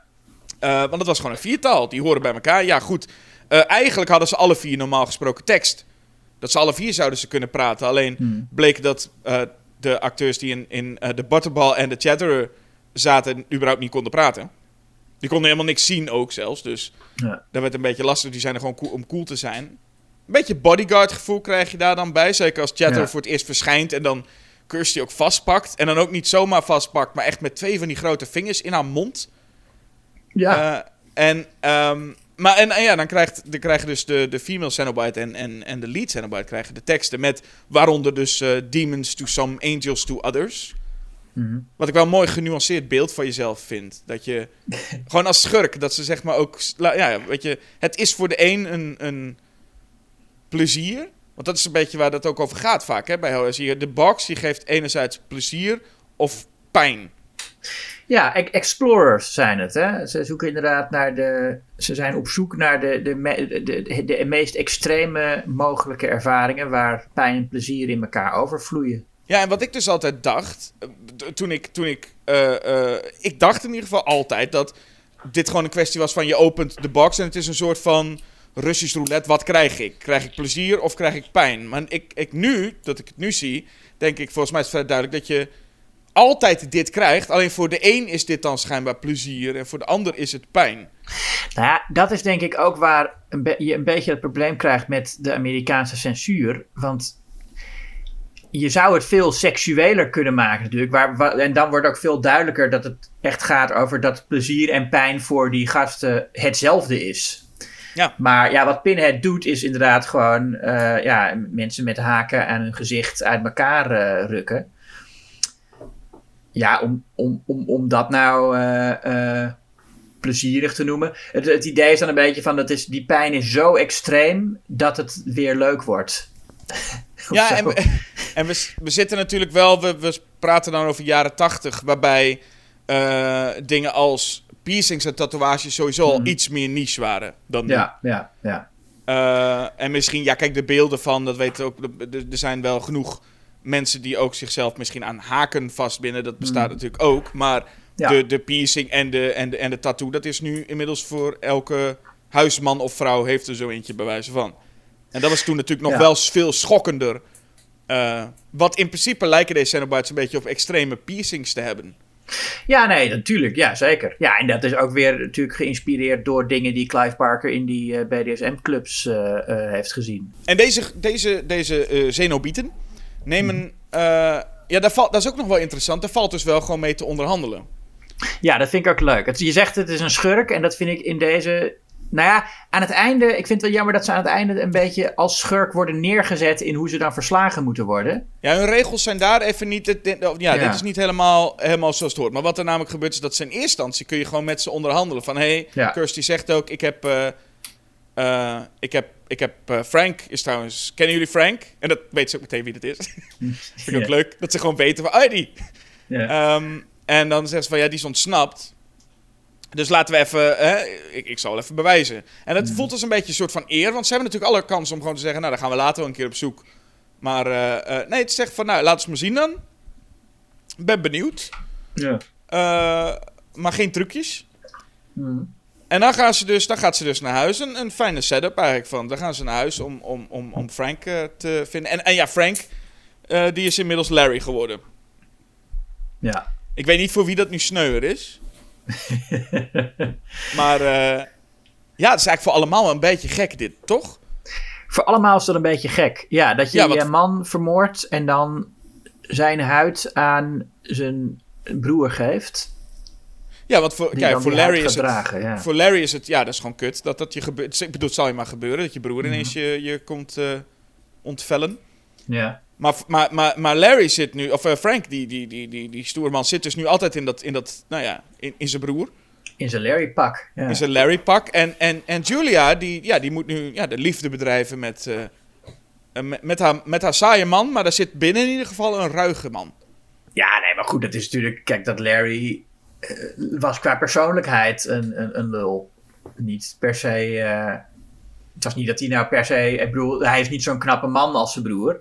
Dat, eh, dat, dat geef ik zeker toe. Nee, maar de, de associatie zal er natuurlijk non-stop zijn. Ik bedoel, het is Ja. moeilijk om hem de in de ogen te kijken en niet dus je, je, de man waar je zo lang mee getrouwd was te zien. Ja, nou, dat doet me ook denken aan een eerdere scène, om weer even een stukje terug te springen. Dat Julia dan wel opgewonden is en, eh, en, eh, en naar bed wil met, met Larry. En dat, maar dat ze dan. ehm, dan wil Frank dat, hij, dat zij Larry gaat vermoorden. Dan heeft ze daar zo haar twijfels over. En dan roept ze nee, nee, nee. En dan moet ze huilen. En dan zegt Larry ook van... eh, oh, net was je nog geil, nou zit je te huilen. I don't understand you. En dan wordt hij boos en dan gaat hij weg. Dat, dat is wel het, het- echt het, het meest lullige wat hij doet volgens mij. Dat hij seks heeft met zijn vrouw. Die vrouw moet opeens huilen. En dan zegt hij, ja, ik snap er niks van wat je wil. Zoek het maar uit hoor. en dan weglopen. Ja. Denk je, nou, dan, dan, dan verdient hij het ook wel een beetje wat er eh, met hem gebeurt. Nou, nou, nou. Nou ja, nee, oké, oké, oké. Maar Frank is dan ook inderdaad flink aan het intimideren. Hè? Want die zit dan toe te kijken hoe, Ja, hoe, Larry ja. er bovenop ligt. En er zit dan een, een, ondertussen een rat door midden te snijden. Ja. Ehm, maar goed, het is inderdaad... Frank wil, wil ook niet dat eh, ja, de, te, zij te veel van Larry gaat houden. Eh, en dat voel je dan een klein beetje... dat in ieder geval Julia nog wel een grens heeft. Ja. Want de mannen die ze ook opzoekt... dat waren ook voor een groot deel wat we zien een beetje... ja, ik neem aan, of misschien interpreteer ik dat... maar vooral de eerste wel een beetje klootzakken.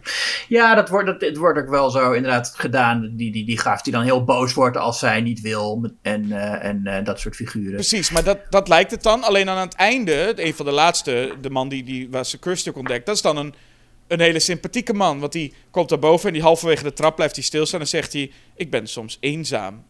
En dan, ja. Ja. dan denk je wel van: Ah, de, ah dus, nou, nu, nu is ze ook al. eh, ik dacht dat ze nog een beetje een soort van selectieprocedure had van: Jij bent een lul, kom maar mee. Nou ja, het morele verval gaat stap voor stap. Ja, en dan is het dus ook dat Larry er maar aangaat. En Mhm. wat ik ook interessant vind om altijd te voelen, is dat voor Julia is dus heel veel. Maar ik heb echt het gevoel. Je kunt het net iets anders interpreteren, maar ik heb echt het gevoel. Voor Frank betekent het helemaal niks. Nee, klopt. Nee, Frank, Frank was gewoon is, is, ja, een psychopaat en is zijn hele leven al bezig met eh, de grenzen opzoeken van het mogelijke. Zo is hij ook bij die box eh, gekomen. Maar Julia is iemand die in het begin inderdaad nog eh, redelijk, ja, nog wel ergens een soort moreel kompas heeft. Waardoor zij ook de interessantere schurk is uiteindelijk. Hè. Je hebt die Cenobites, ja, dat zijn gewoon, die, die, dat is hun natuur is om, om te doen wat ze doen. En dat leer je ze niet af. En dat is niet echt een morele keuze voor hun. Maar zij maakt echt morele keuzes. Ja, wat dat betreft is Frank is de grote schurk van deze film. Ja, Onmiskenbaar de schurk, de slechterik waar je, eh, nou ja, het kwaad bijna. Ehm, wat trouwens, wat ik net zei, ze zeggen wel van dat ze de hele tijd aan Larry moet denken. Maar een, een, een klein dingetje is dat Larry schijnbaar bij de laatste persoon waar hij de huid van jat ook de stem dus overneemt. ja, ja. Want eh, hij krijgt nu niet meer zijn stem. De stem van Frank, maar nu heeft hij ook de stem van Larry teruggekregen. Nou ja, dat, ja nee, nee, nee, ik, wou, ik wou zeggen, misschien heeft hij ook die stembanden. Dat kan best, maar dat is natuurlijk hij praatte eerder gewoon als zichzelf. Dus dat is. eh, Nee, dat klopt niet helemaal. Maar eh, het, het is wel een goede reden om Andrew Robinson dus te, te casten. Want we zeiden al dat hij heel goed, nou ja, een goed lulletje was. mhm. Eh, maar Andrew Robinson stond vooral bekend als de, de grote schurk uit Dirty Harry. Ja, ja. En dan is het interessant dat deze rol eigenlijk gegeven werd aan de man die dus ook die switch kon maken. Dus eigenlijk eerst Larry de, het, het lulletje kon zijn. Dat vond hij ook zo leuk aan de rol, dat hij een keer zo'n rol mocht spelen. ja. Maar ja, dan mag hij dus daarna ook even de Psycho Frank zijn. Mhm. En doet hij ook leuk. Ja, zeker, zeker. Alleen ik weet nog steeds niet, als hij dan op een gegeven moment Julia neersteekt, dan heb ik wel het gevoel, ja, het, het betekent ook niks voor Frank en Julia is klaar ermee. Maar ik twijfel nog altijd of dat nou een ongeluk was. Want hij wil, met hij wil op Kirsty aflopen, die springt weg en dan steekt Julia maar neer. En dan, Ja, ik, ik twijfel altijd, is dat nou, wilde hij dat sowieso nou? Of is het meer van, ja, ik ga hoe dan ook iemand neersteken, wie er ook maar wegspringt. ja ik, ik denk dat laatste. Dat hij, hij, ik bedoel, als zij Kirsty gewoon had vastgehouden, was het Kirsty geweest. Maar als zij wegrent, denkt hij, nou ja, ik heb nou wel gewoon iemand even nodig. Om, want, want ik eh, val uit elkaar. Ja. Dus eh, ja, dan maar jij. Ja. Ja, want zij wordt ook een beetje eh, geabsorbeerd, geloof ik. Als ik Ja. het goed zie aan, aan de effecten daar. Maar goed, het, het, het, het schijnt dat je nog een tijdje... Ja, misschien, ik weet niet. Het, het lijkt een beetje vampierachtig ook, wat Ja. hij heeft. Dat hij misschien om de zoveel tijd misschien iemand even een beetje moet leegzuigen... om zo weer zichzelf te worden. Ik heb geen idee. Ja. Maar Julia is in ieder geval dood. En dan moet Frank dus... En dat is wel grappig hoe dat dan werkt. Dat zijn van die... De, eh, eh, de Cenobieten zijn dus demonische figuren die zomaar kunnen verschijnen. Maar ze moeten wel even echt horen van iemand... Ik ben Frank. ja. anders nee, geloven ze ze. niet. Nee, ze willen dat hij het. Nee, ze wilden dat hij het zelf toegeeft. Ja, maar dan Dus is het... hebben- hij wil, ze willen toegeven dat hij Frank is, toch? Ja, ja, precies. Wat zij denken op het moment dat... dat, dat Larry ligt namelijk op de, op de grond... eh, zonder vel. Hmm. En de Cenobieten denken dus dat dat, dat dat Frank is. Ja. Dus het is een beetje dat de Cenobieten ook wel een beetje kunnen investeren in een soort DNA-test of zo. Dat dat makkelijker is. Dan de hele tijd maar wachten tot iemand het een keer toe gaat geven. Met een soort van verborgen geluidsapparatuur maar moeten afluisteren. En dan scheelt het dat Frank dus zegt iets van: Ik ben, eh, ja, ik ben Frank. Want, Ja. dan is hij, dan is, want dan is hij erbij, hè? Dan is het, dan is het bewijsmateriaal geleverd. Ja. Ja, ja nou, goed, ze zijn niet alwetend natuurlijk, die, die Cenobieten. Het zijn, eh, het zijn geen goden of zo. Nee, en, dus wat je al zei, zijn we tegen het einde van de film, is het ook een beetje raar dat zij echt een deal met Kirsty hebben. En eigenlijk zouden ze dan Frank, hè, mooi einde ook, hè, dat hij dan Ja. aan al die haken zit en dan zegt hij nog even, Jesus wept. Ja. Eh, en eigenlijk zou dat het einde moeten zijn en de Cenobieten zouden daar moeten verdwijnen. Maar dan komen ze toch nog even terug om Kirsty toch mee te nemen. En dan Ja, denk je, dit vind vind ik niet helemaal eerlijk. Nee, dat vind ik ook niet. Ik denk, ja, het, zijn toch, het is gaver als ze inderdaad gewoon een code hebben waar ze zich aan houden. En dat ze niet opeens als een soort standaard horror schurken nog van, oh, maar jij bent er ook, dus jou moeten we nou ook hebben. Ja, en dat is dus wel wat er hier gebeurt. Waarbij Kirsty dan ook ja, toch iets moet bedenken hoe ze weggaan. En dat is dan ook wel makkelijk. Hè? Ze drukt op het doosje. En- Ja, en dan zeg, dat vind ik, ik vind het wel leuk dat die, die Cenobieten dan wel heel. Ze denken, ze kunnen niet zelf ook. ehm, eh, ze zijn niet sluw of zo. Ze zijn heel letterlijk met wat ze willen en wat ze bedoelen. En als Kirsty dat doosje pakt, dan roept Pinhead ook meteen: No, don't do that. Ja. Zo van, hij heeft helemaal geen. Hij, hij, hij is niet echt van plannetjes bedenken. Of. eh, of eh, hè. hij is gewoon echt heel letterlijk wat hij bedoelt, is wat hij, wat hij zegt. En hij staat dan ook naast haar. Dus in principe had hij een van zijn haken best even in haar kunnen drukken. Maar hij, blijkt Ja. ook, hij blijft ook gewoon staan om te zeggen van nee, stop, stop. Ja. En dan is hij weg. En dan is het dus zo dat eh, de lead Cenobite verdwijnt. Mhm. De vrouwelijke Ceno- Cenobite verdwijnt. Eh Chatter, waarvan ik al zei, daar komt hij met zijn... Ik weet niet waar, waar hij die vandaan heeft gehaald, maar die staat ineens met zo'n zo'n sluier op. Die verdwijnt. Maar de, de, de butterball, Ja. die krijgt een balk op zijn op zijn hoofd. Ja. Want het huis stort in. ja. Maar, maar die verdwijnt dus nooit in dat doosje. Dus ik heb het gevoel, ligt die daar nu nog steeds? Want die verdwijnt niet in dat doosje. Ja. Dus er is een soort van drie, die- ja. drie worden teruggestuurd naar de hel. Of naar, naar waar ze dan vandaan komen. En, en Butterball is, eh, ja, die is, is omgekomen door het puin. Ja, die, ja, ja. Ja. Ja, maar uiteindelijk is er ook nog eentje eh, die dan... Is dat Butterball? Die probeert Steve neer te steken. Want Steve is er dan ook opeens weer bij. Oh ja, je die hele Steve! film nauwelijks gezien. Ja, die, je vergeet hem gewoon dat hij er is, maar hij is er wel. Fucking Steve. Ja. En dan, maar er staat één zo'n Cenobiet achter hem met gewoon een soort mes en dan wil hij hem neersteken. ja, want er is ook een moment, en dat is helemaal goed, dan komt ook die engineer nog even langs. Ja. En die gaan dan strijden om dat, om dat doosje. ja. Dus ik denk niet dat hij degene is die Steve neer wil steken. Ehm, Nee. Maar, ik, maar volgens mij is de, wat ik zo kan herinneren, is de butterball is echt gewoon de- de- meteen een balk op zijn, op zijn hoofd. Ja. Maar in ieder geval, die, volgens mij wil hij wel Steve aanvallen, dat klopt. ja. En, Ik vind en, dat zo lullig dat je dat dan zo doet. Ik bedoel, eh, ja. ja, en, de, en, de, en de, de engineer, die, die, die komt er nog even en die wil dan dat doosje pakken. En dan zie je ook dat die, ja, die handen, die kunnen ook helemaal niet bewegen. nee. Dus je ziet volwassen mannen voor je gevoel met, met van die nephanden te flapperen tegen zo'n doosje aan. Dan denk je, ja, dit is ook een gemiste kans. Eh, dit, of dit lukt ook niet, eh, Ja. beste engineer. En dan was het inderdaad het einde. Met doosje wordt, wordt vernietigd en dan komt die zwerver nog een keer langs. En die verandert dan in een, in een skelet van een draak. Ja. Soort of. En dat is ook wel grappig. Dat effect ziet er ook niet heel- bepaald heel geweldig uit. Maar eh dat was dan ook dat ze geen geld meer hadden. En dat vind ik dan ook wel leuk. Ze hadden nog iets van 400 dollar. En dat ook eh Clive Barker toen zei... Oké, we hebben nog 400 dollar. Kom, laten we een draak maken. Dat is ook wel een mooie gedachte. Gewoon. We hebben echt helemaal geen geld meer. Zullen we eens proberen een draak te maken van gewoon wat restmateriaal? Maar Ehm, ik vind hem er met die gedachte ziet hij er niet heel slecht uit, die draak. Nee, het ziet er niet heel... best Maar het is, een, eh, het is een niet... gaaf ding. Ja, het- ik vind hem een, een beter effect dan de, dan, de, dan de engineer, denk ik. Ja, zeker. En, en gewoon ook slim bedacht hè, dat je dan een soort van kraan, crane shot, denk ik, is het, hebt. En dan doe je alsof die ook kan vliegen. Ja. Dus een leuk, simpel trucje ook. ja. En dan is de doos weer terug. En ik dacht inderdaad, ook toen ik dat zag... Ja, en Steve was er ook, ja. Dat is echt heel dom, maar die, die doet echt helemaal geen hol. Nee, in het vervolg eh, zie je hem ook niet meer terug, hè? Hij denkt van, nou, Kirsty, ik weet niet wat het met jou is, maar je hebt allemaal eh, eh, rare cenobieten om je heen. Het is goed met jou. Nou, dat is ook een goed bruggetje, denk ik. Nou, deel 2. Ja, want dat, dat, wij kunnen er zo in één keer naartoe praten, want dat doet de film eigenlijk ook. Ja. Hè? Het huis dat eh, in, in het eerste deel helemaal tegen de vlakte is gegaan, staat er weer aan het begin van deel 2. Dus wat dat betreft eh, is het misschien juist goed als je de eerste een beetje vergeten bent. Nou ja, de, de, de, de film begint ook met een soort recap. Ja, Maar dan wel een, een recap waarbij ik echt denk... de- de- eigenlijk als je deze recap zo bekijkt... er valt echt geen chocola van te maken. nee. Zeg, zo'n willekeurige reeks aan scènes dat je denkt... Ik snap het, het is niet alsof het... En uiteindelijk in de film zit er nog een andere recap... waarin Kirsty het verhaal vertelt en dan wordt het duidelijk. Maar deze, dit begin zegt echt helemaal niks. Het is een soort van gore achter elkaar. Ja, en ik vind het ook jammer dat. eh, ik denk misschien wilden ze gewoon beginnen met een paar goede gore scènes of zo.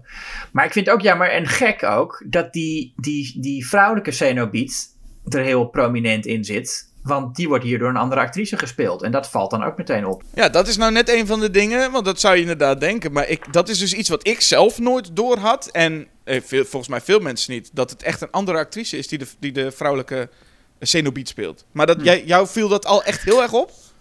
Nou, je, ik, ik merk dat wel, ja. Oké. Ja, Ziet vind er het, anders uit, ja.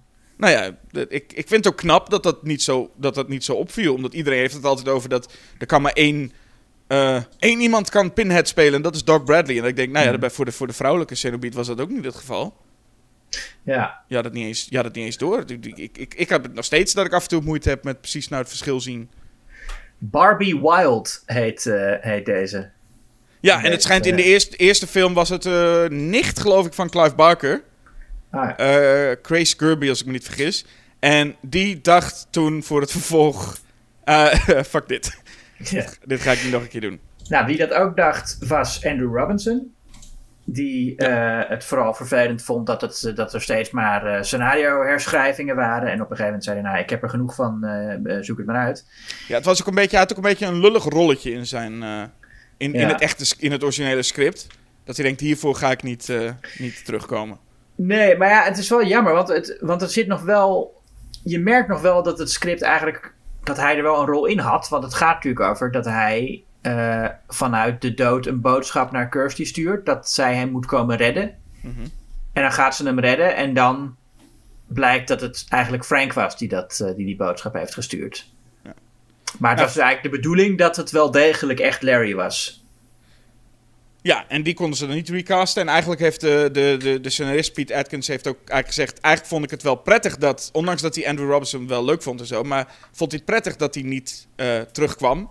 Want dat maakt het script voor hem ietsjes makkelijker en duidelijker. Nou, we komen er zo op of dat ook gelukt is.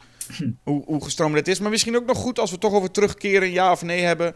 Is Clive Barker zit dit keer niet in de eh, regiestoel. Nee. Want deze film is ook echt heel snel gemaakt. Hè? De, de, de- het vervolg, de eerste film was nog niet eens af. En toen wilde New World al een vervolg vastleggen. Dus het is ook, en het is ook echt het jaar daarna kwam het vervolg al uit. Ja. Dus ze waren er snel mee. En ehm, regisseur werd eh, Tony Randall. En die, hij was, die, was, die werkte bij eh, eh, New World Pictures. Dus die studio. En die werd eigenlijk ingevlogen. En hij moet, die is niet te verwarren met, met de acteur uit The Art Couple dus. Die, dat, eh, Tony Oh, ja. Randall.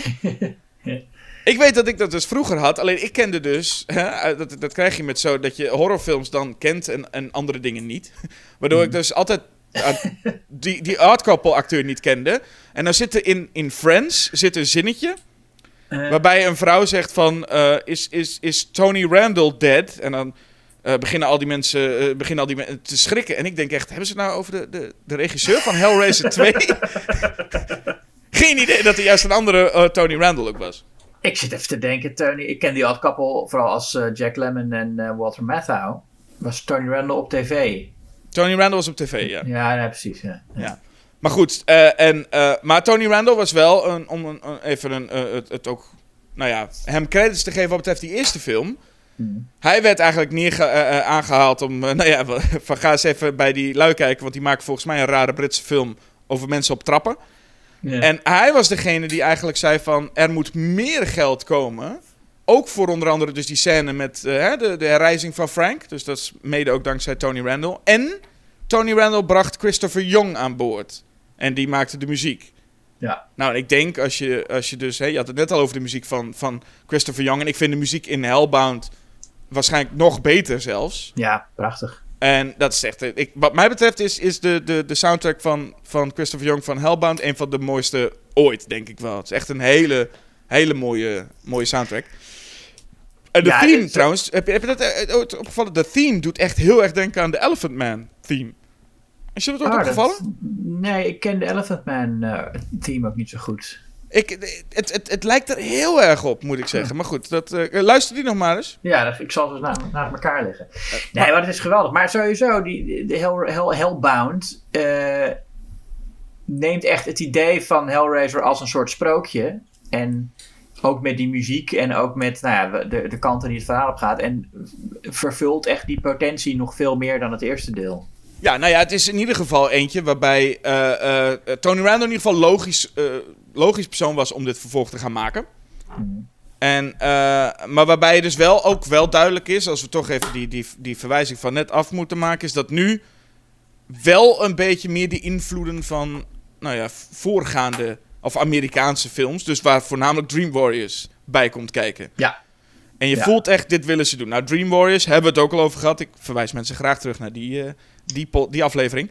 Maar hè, dit speelt zich af voornamelijk in een psychiatrisch instituut. Er is dat blonde meisje, wat heel erg op, op, op Kristen lijkt. Je hebt die, vervolgens gaat zij met Ashley Lawrence avonturen beleven. Nou, dat voelt heel erg, dan zie je echt Nancy en Kristen voor je. ja, En wat ze uiteindelijk met Chenard doen, denk je... Ah ja, ze, ze proberen echt een Freddy te maken. Ja. Eh, hè, de, de one-liners, maar daar Ja, komen we ja, zo meteen ook nog wel op. Maar wat interessant is, is dat eigenlijk men dus de bedoeling had... om de grote schurk van de hele Hellraiser-serie... zou eigenlijk Julia worden. Ja. En dat is in deze film wordt dat, wordt dat neergezet, maar dat, is, dat heeft, heeft uiteindelijk anders uitgepakt. Ehm, men wist toen natuurlijk al wel een beetje dat Pinhead de grote, het lievelingetje was. Eh, en daarom begint de film ook even met, eh, ja, met, met Pinhead. Althans, ik kan me voorstellen dat als je het niet weet, dan, dan weet je het niet. Want Doug Bradley zit dan daar even in en je denkt waarschijnlijk echt van... Wie is deze beetje nerdy guy die daar zit? Ja. Een eh, ja, soldaat in de Eerste Wereldoorlog is hij. En ehm, nou, nee, ik, ik wist er ook de eerste keer dat ik die film zag, wist ik ook natuurlijk niet dat dat eh, Pinhead zou worden. Maar goed, dat merk je gauw genoeg als hij dan dat puzzeldoosje open doet en opeens in Pinhead verandert. Ja. Ehm, waarmee aan de ene kant een beetje ja, de, die, de, de, als je die mythologie zo laat zien, dan wordt het toch een, een neem je veel van het mysterie weg natuurlijk van Pinhead. Maar aan de andere kant vind ik het toch, ik vind het wel een goede keuze om te zien dat hij vroeger gewoon een mens was. Het voegt ook wel heel veel mysterie toe van hoe wordt, hoe wordt een mens zoals eh Pinhead is. En ook dat hij een soldaat in de, in de Eerste Wereldoorlog is. En dat, eh, eh, dat suggereert ook een beetje dat, dat, dat hij natuurlijk al heel, heel extreme ervaringen al gehad. En dat hij dan ook nog dat, dat puzzeldoosje. eh, en, en hetzelfde geldt natuurlijk voor het feit dat het puzzeldoosje dan verschijnt in zo'n psychiatrische instelling. waar eh, eh, de dokter die allemaal immorele experimenten uitvoert. Dat is ook een, een plek waar heel veel, ja, heel veel menselijk leed is. En, dus dat het, het puzzeldoosje verschijnt eigenlijk in de handen van mensen die al behoorlijk extreme ervaringen hebben. Ja, want eigenlijk is, is eh, er zijn de, de spelers van, van de eerste film zijn een beetje terug. Hè?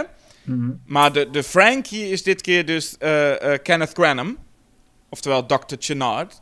Ja, De man die ook een beetje... een, eh, oh, een- net als Claire Higgins trouwens, een gerespecteerd theateracteur, Shakespeareaans acteur, die op aanraden van zijn kleinzoon deze rol heeft aangenomen. Ja.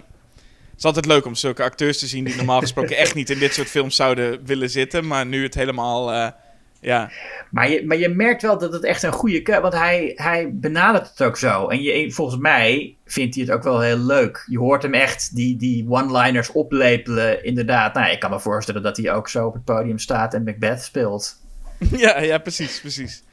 Ehm, en hij, nou ja, hij is dan... Eigenlijk heeft iedereen een soort vervanger. Want Frank komen we zo meteen, die, die komt nog wel even terug. Maar er is dus een nieuwe... eh, ehm, eh, nou, Frank dus, in dit geval. Eh, en, en het is Kenneth Branagh eigenlijk, dus Channard. Maar Julia is eigenlijk ook de nieuwe Frank. Ja. Die krijgt die rol. Kirsty is natuurlijk terug. En zelfs Steve krijgt eigenlijk een vervanging. Want wat je al zei, Steve is gewoon weg. En toen dachten ze, ja, we hebben geen Steve meer. Dan hebben we nu wel Kyle. ja. En dan krijg je dus Kyle. Eh, en, en ik, ja, ik weet niet. Ik, ik, ik, ik- we kunnen een wedstrijd doen. Ste- Steve versus Kyle. Maar ze zijn allebei nutteloos als de pest. Ja. Ik weet Ja, niet wat nou, Kirsty heeft met mannen. Maar op een of andere manier zoekt ze mannen die... Nou ja, Steve kon nog een trucje met de sigaret. Dat heb ik Kyle nog niet zien doen. Nee, nee, nee, maar goed, Kyle die werkt in dat ziekenhuis waar zij zit. En dat, eh, misschien als we daar gewoon beginnen. ehm, Laten we Nou ja. beginnen in het ziekenhuis. ja, nee, eh, Kirsty zit dan inderdaad het hele verhaal uit te leggen. En eh, ze weet er veel van. Ze weet van mij allemaal dingen die zij Niet hoort te weten. Ja, weet ik geen idee heb hoe ze dat allemaal weet. Zelfs dat ze, volgens mij heeft zij zelfs het hele woord Cenobites helemaal niet gehoord in die eerste film, of wel? Nee, voor, nee. nee. Nou goed, ze, ze, weet, ze weet dat ze ze zo moet noemen. Maar ze hebben zich niet aan haar voorgesteld van... Hello, we are the Cenobites. Dat is iets Nee, wat- ze hebben gezegd, nee, ze vraagt wie, wie zijn je? Wie, wie, wie zijn je? Wie zijn jullie? vraagt ze. Ja. En dan zeggen ze explorers. Ja, dus dat, ze- ah, dat, Ja. dat ze dat niet zegt. Maar Nou ja, maar goed, hoe dan, zij, zij kent die hele mythologie van binnen, eh, van eh, achterstevoren en terug. en, eh, en, eh, en legt het allemaal uit. Nou, wordt natuurlijk niet geloofd. En dan blijft ze opgesloten in die psychiatrische instelling. Wat al raar is, want het is niet verboden om rare dingen te geloven. En zolang je verder nog gewoon voor jezelf kunt zorgen, is er helemaal geen reden om jou in een psychiatrische instelling te stoppen als jij gelooft dat er een soort demonische figuren bestaan. Maar En is het niet zolang zo je dat- verder gewoon je leven leidt. dat komt natuurlijk wel door Chenard.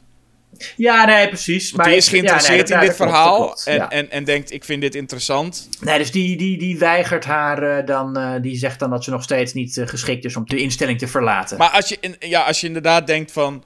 Dat doet Chenard en dat is niet zo heel, eh, dat, is, dat is niet zo heel sympathiek van hem. Maar ja, als je verder kijkt hoe hij in dat eh, instituut omgaat met dingen... ehm, Ja, er zitten wel meer dingen die niet helemaal horen, denk Nee, ik. nee, nee. nee, inderdaad. Nee, dus ik kan me inderdaad voorstellen dat Gennard dan zegt... jij bent nog niet klaar om hier eh, weg te gaan. Ehm, en daar, nou, daar heeft ze dan die Kyle voor nodig. Die Kyle, die ontdekt dan... Ik vind het wel lekker hoe, hoe, hoe eh, snel hij overtuigd is. Hè? Want je hebt eerst die Kyle, nou, die gelooft natuurlijk het hele verhaal niet. Maar snel genoeg ziet hij zelf dat die dingen gewoon gebeuren. Ja, want het is ook, ik vind het ook leuk, zo'n hele lange aanleiding om, wat te- om, om even de- het nut van Kyle te, te proberen ook te achterhalen. maar wat, wat ik wel, wat even, wat, eh, nog even terugkomend op, je had het over dat, dat Kirsty dus dat hele verhaal en die mythologie schijnbaar allemaal dingen weet. Mhm. Het ding wat me nog het meest verbaast, wat niemand weet volgens mij, en wij niet, maar, maar niemand, is dat zij ineens zegt: Oh, dat bloederige matras, daar komt Julia weer uit. Ja, denk ik, dat is compleet. Waar, waar trek je deze, deze conclusie vandaan?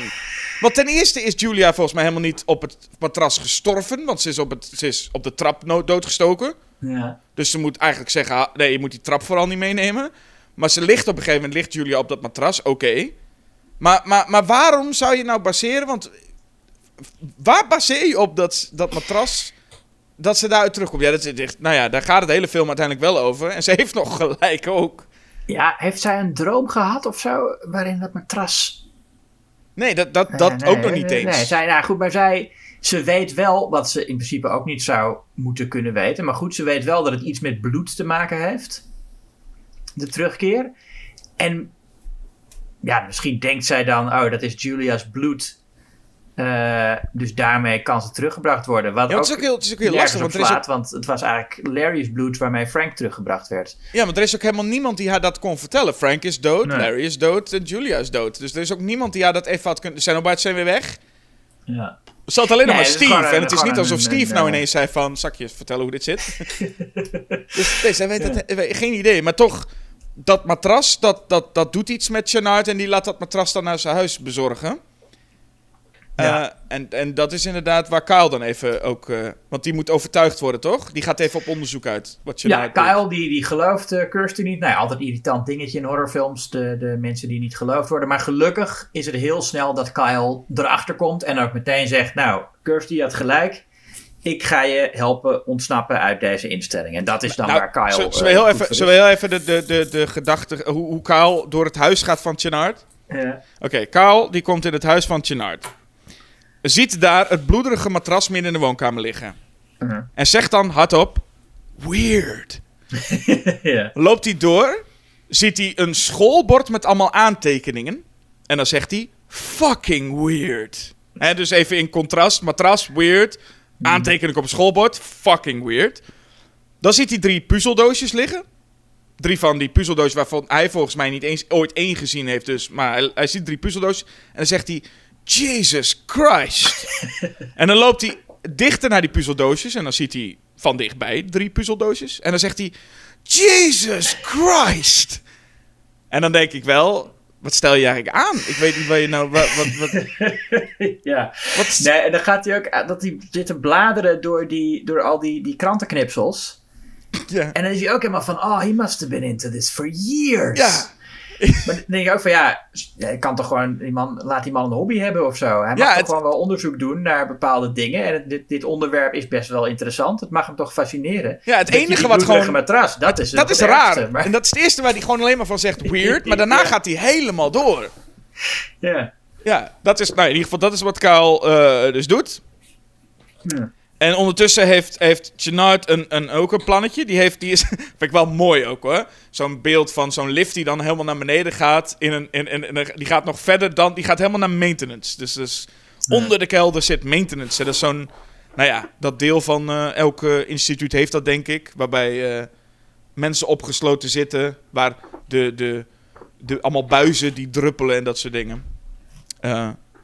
En daar wordt dan een, een man vandaan getrokken. Ja, een eh, psychiatrisch patiënt die gelooft dat er, eh, of die allemaal, allemaal, allemaal eh, soort parasieten op zichzelf hallucineert. Ja, of maden geloof ik inderdaad, wat, Ja. ik, wat ik zo zag. Maar, Ja. En ik moet zeggen, ik, ik, ik vind deze scène blijft voor mij altijd lastig om te zien, toch?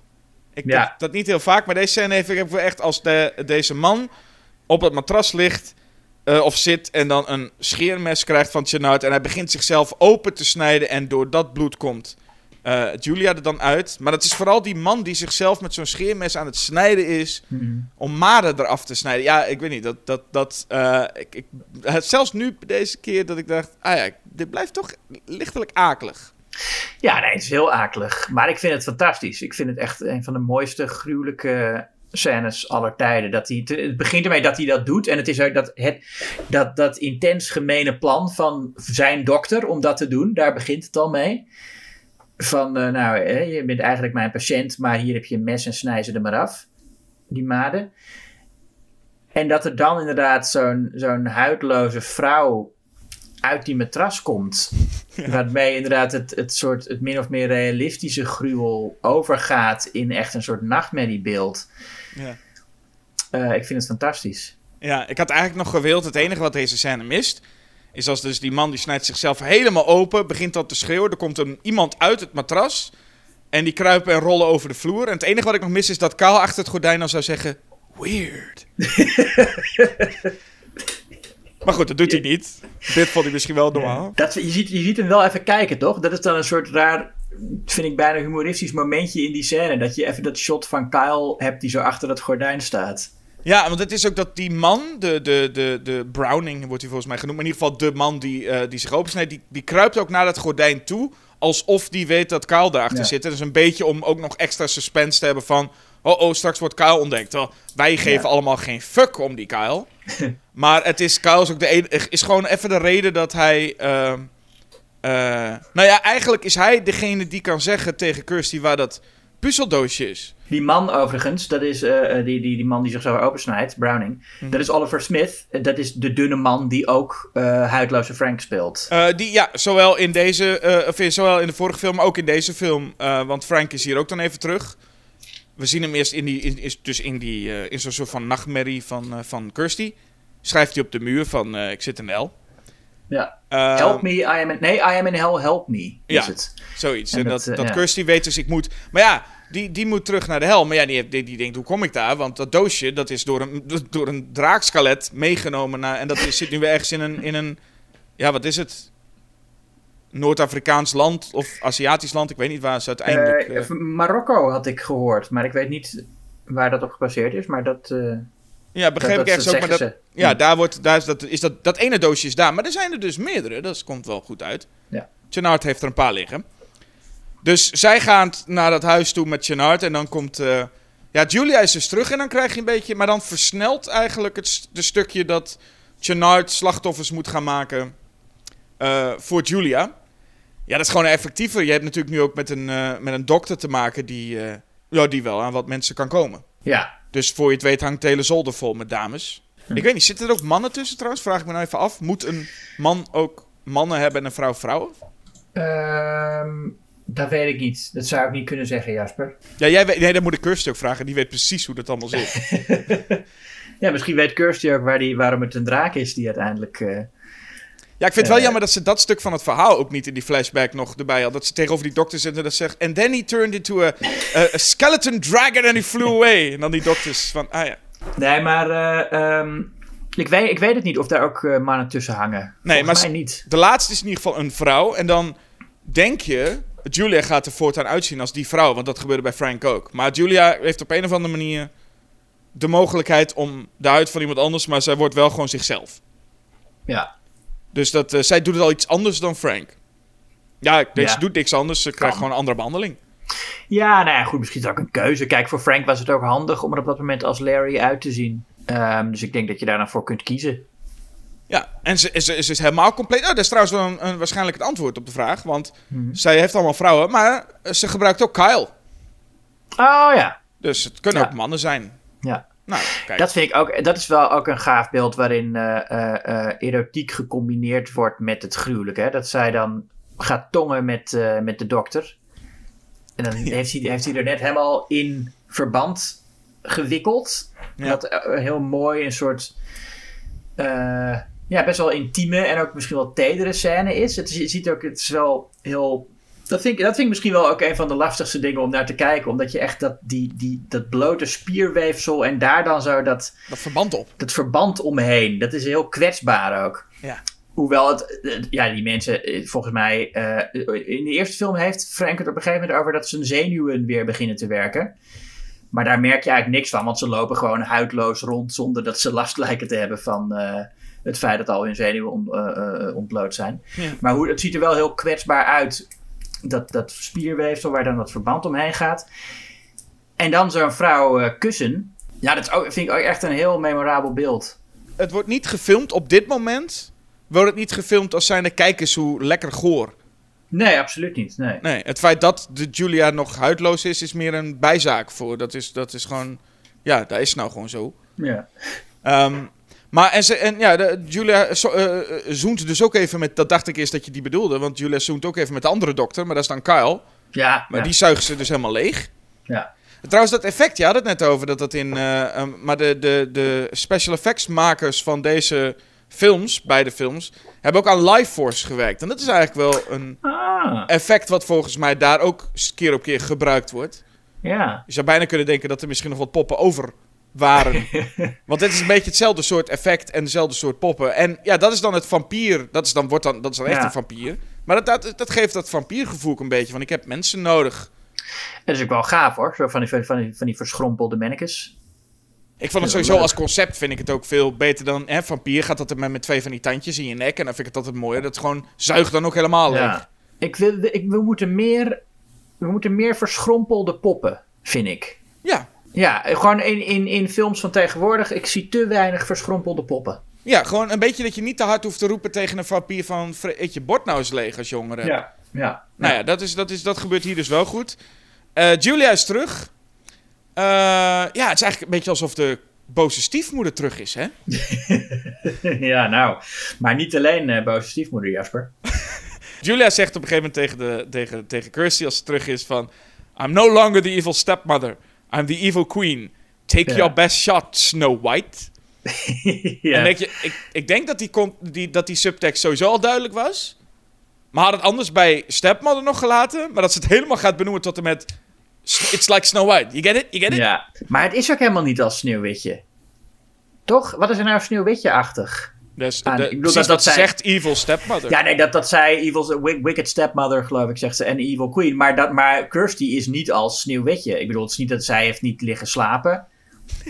In Nightmare on Elm Street zou het nog, zou het, eh, nog logisch zijn. Maar, weet je, ze heeft niet liggen slapen. Er zijn geen zeven dwergen. Eh, ik zou eigenlijk niet weten hoe, hoe, hoe dit nou verder specifiek het sprookje van Sneeuwwitje is. Maar ze is wel, ze is wel eh, een soort archetypische sprookjesheldin, denk ik, die Kirsty. Ze is heel onschuldig, heel behulpzaam. Ze gaat dat, we hebben nog helemaal niet gehad over dat blonde meisje dat van puzzelen houdt. Ik zeg nou ook puzzelen, van puzzelen houdt. Van puzzelen houdt. Ja, die, ko- die, komt, die komt nu dus eigenlijk. Ja. Want dat is wat, die wordt nu dus eh, gebruikt om dat doosje op te, op te lossen. En Ja. dat, dan valt ook meteen het eh, contrast op met in de eerste film in het ziekenhuis verschenen de eh Zenobieten nog als, als, als wel wat een beetje enge gedaantes. Mhm. En hier is hun opkomst eigenlijk mooi. De Ja. muziek wordt heel mooi en ze komen eigenlijk heel erg als, als, als helden op met een soort van, van, van een stukje opera hoor je daar. De- de- eh, en, en daar komen ze zo binnenlopen, rustig ook. Ja, Gewoon het feit dat ze lopen en niet verschijnen vind ik ook al zo gewoon iets hebben. Ze lopen gewoon. Ja, En eh, ja, dat, dat, dan, dan krijg je ook nog weer een regel. Schijnbaar zitten ze dus wel aan regels vast met dat Pinhead zegt... We gaan niet nu eh, Tiffany meenemen. Want dat zijn maar, eh, het, het zijn niet de handen die hen oproepten, maar begeerte, zegt hij dan. ja. En- Ja, is dat een, echt een regel waar ze aan gebonden zijn? Of is dat gewoon iets wat Pinhead ehm, zelf kiest? Nou, het is nu volgens mij, dat, dat, ik bedoel, gebaseerd op de vorige film. Denk ik, toen wilde je gewoon alsnog Kirsty hebben. Ja, Dus het is, het is niet. Maar ik vind het juist het mooi als, die, als ze aan hun regels houden. En nu is Ja, het dus nee, een kwestie van. Ja, zij heeft de puzzel wel opengemaakt, het doosje. Maar Mhm. het gaat ons om degene die het wilde. En dat was dus dan eh Chenard in dat geval.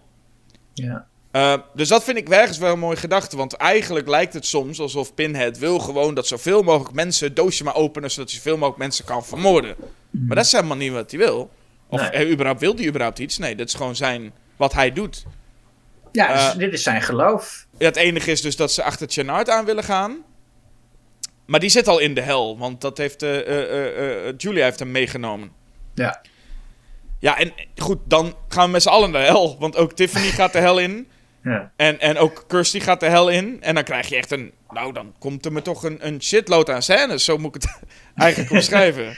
Ja, dat is eigenlijk de, de hele tweede helft van die film eigenlijk. Is één soort... eh, ja, het zijn... Roger Ebert zei dat, dat je die scènes in willekeurige volgorde kon eh, bekijken. In een behoorlijk negatieve recensie van deze film. Ja. Dat is nog niet helemaal waar, denk ik. Maar het, het is wel... het is Nou, echt een nachtmerrie. Ja, maar het is ook dus inderdaad... eh, eh, eh, Tiffany komt bij... Het, het, het, het meisje komt eerst in een kermis. Ja. En met allemaal, met allemaal beelden van, van nou ja, clowns en baby's die de mond dichtgesnoerd hebben. Nou ja. En Kirsty komt dan thuis. Even. En dan zijn er allemaal bloederige foto's. En dan zijn er ook ineens kakkerlakken. Het voelt allemaal zo ook gewoon heel willekeurig. Gewoon horror dingen. Hier zijn kakkerlakken. Ja. En ik heb ook het idee dat, dat de, de film lijkt de regels van zijn wereld uit te vinden terwijl het verhaal verteld wordt. Het is, eh, ze, ze vallen van de ene situatie in de andere en telkens is het, oh nee, maar en, en dan dit en dan dat. En eh, oh nee, maar dit kan niet, want het werkt zo. Ja, maar het is ook dat je, als je, kijk, als je zegt van, eh, want dat, dat gebeurt in Nightmare on Elm Street dus ook heel veel, hè, want het is een droomwereld, dus alles kan en alle regels kunnen. Maar Freddy gebruikt in ieder geval iets, zou je zeggen, om angst in te boezemen. En dan is alles wat er gebeurt, heeft nog iets van een reden. En hier lijkt het gewoon echt wel dingen gebeuren. Ja, ik vind dit ook veel meer een droomwereld dan in eh, Nightmare on Elm Street. Ja, dat, dat, dat is het ook omdat er allemaal maar willekeurige dingen gebeuren. Maar het zou wel prettig zijn om er iets meer een soort van duidelijkheid te hebben van waarom gebeurt dit nou precies. Want natuurlijk, het is allemaal eh, heftig. Ze zitten allemaal in, eh, in, in de hel. Maar je moet wel ergens naartoe, zeg maar. Hè? Ja, nee, maar weet ik niet. Ehm, ik weet, want het is, ja, ik weet ook niet of het echt de hel is. Hè? Dat wordt wel vaak. De film heet Hellraiser natuurlijk en Hellbound en het is, ze noemen het allemaal de hel.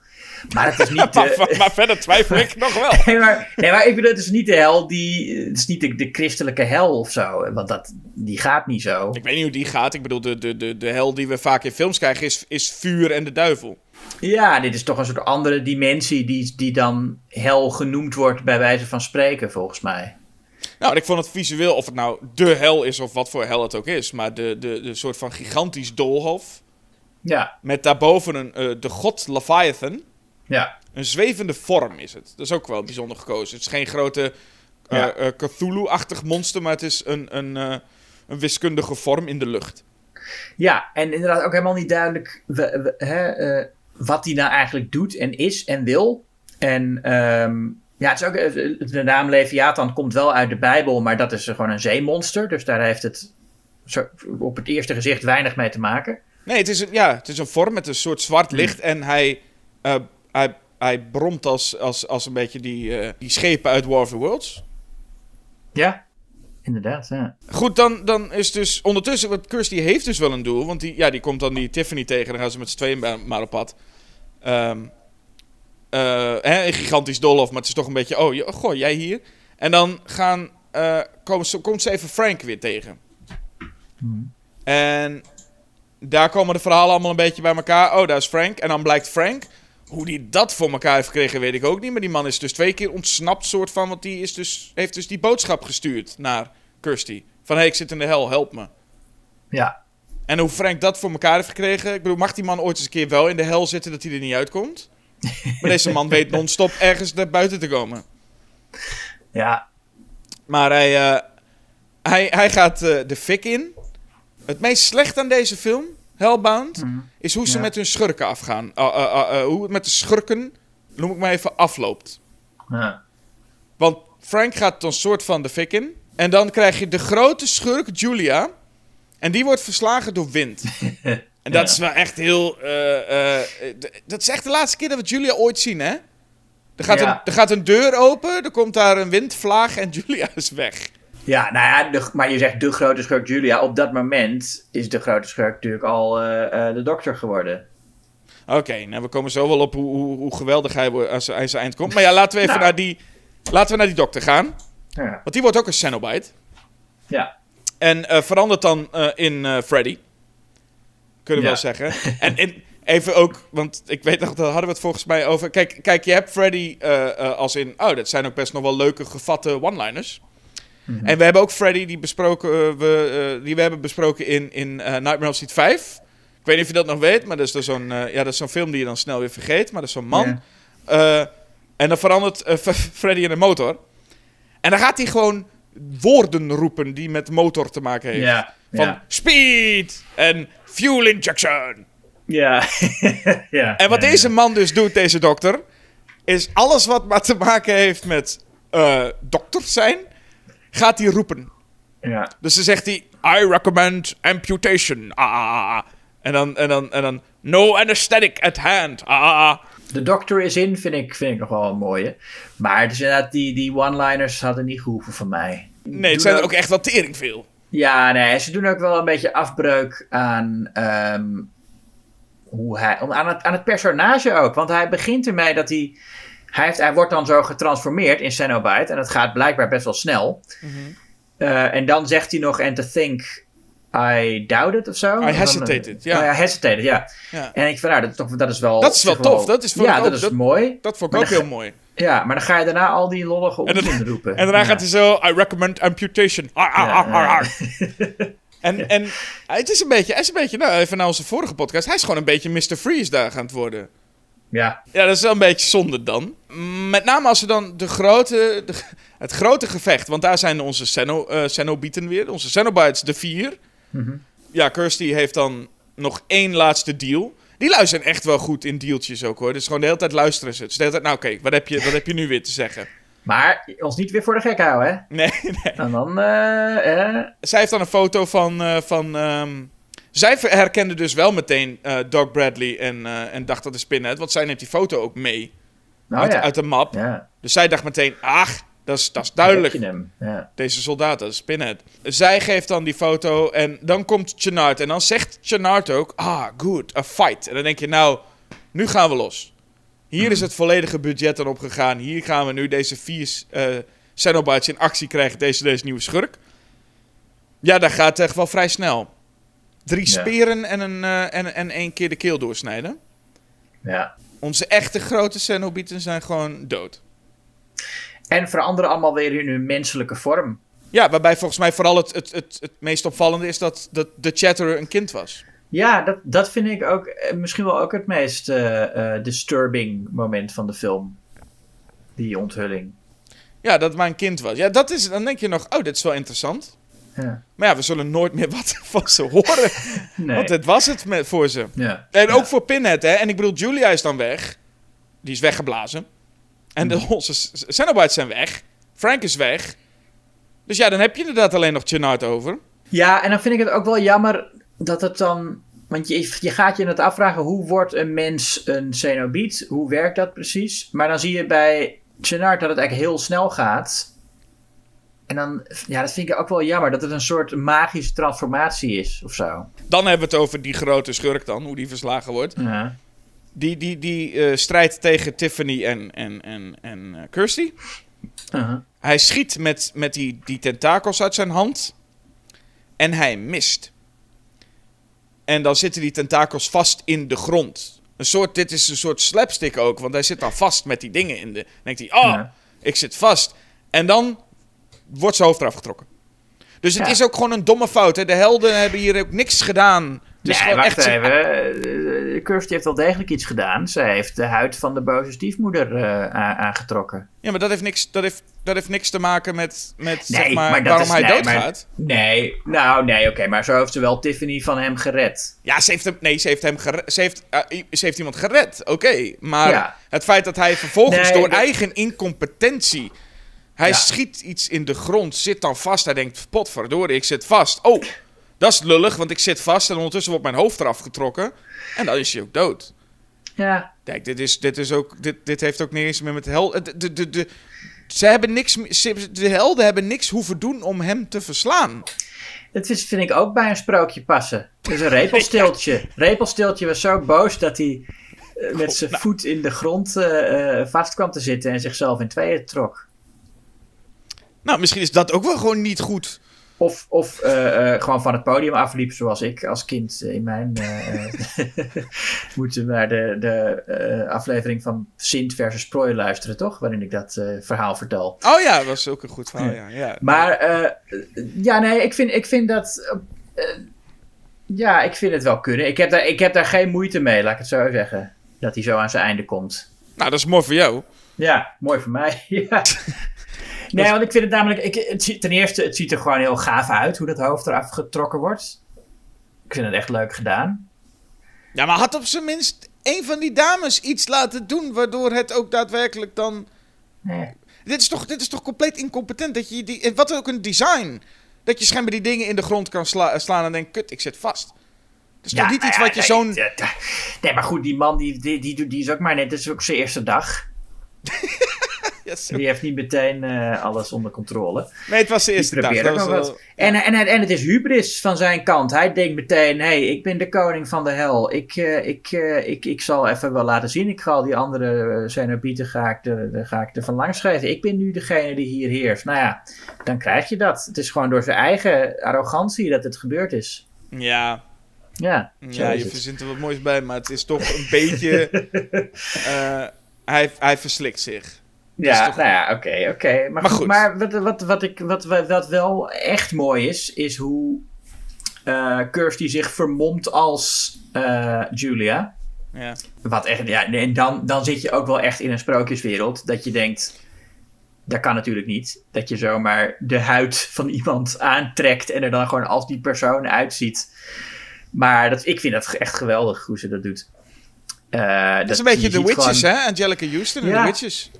Ja, en je ziet, het is gewoon helemaal, het is helemaal Julia. En dan zie je opeens die, die, die, die arm eraf getrokken worden. En dan heeft opeens heeft Tiffany zo'n soort latex handschoen in haar hand. En dan doet eh, Kirsty zo die Julia-huid van haar gezicht af. En dan is ze eronder zo helemaal onder het bloed, maar met een heel lieve glimlach. en dat vind ik zo, ik vind het zo'n mooi beeld. Vind jij dat niet goed? Vind jij dat niet eh, cool? Nee, wel, ik, ik vind het wel, ik, ik gewoon, ik vind het wel goed. Maar Ja. het, het, is, het is goed zo. Het is Ik- goed zo.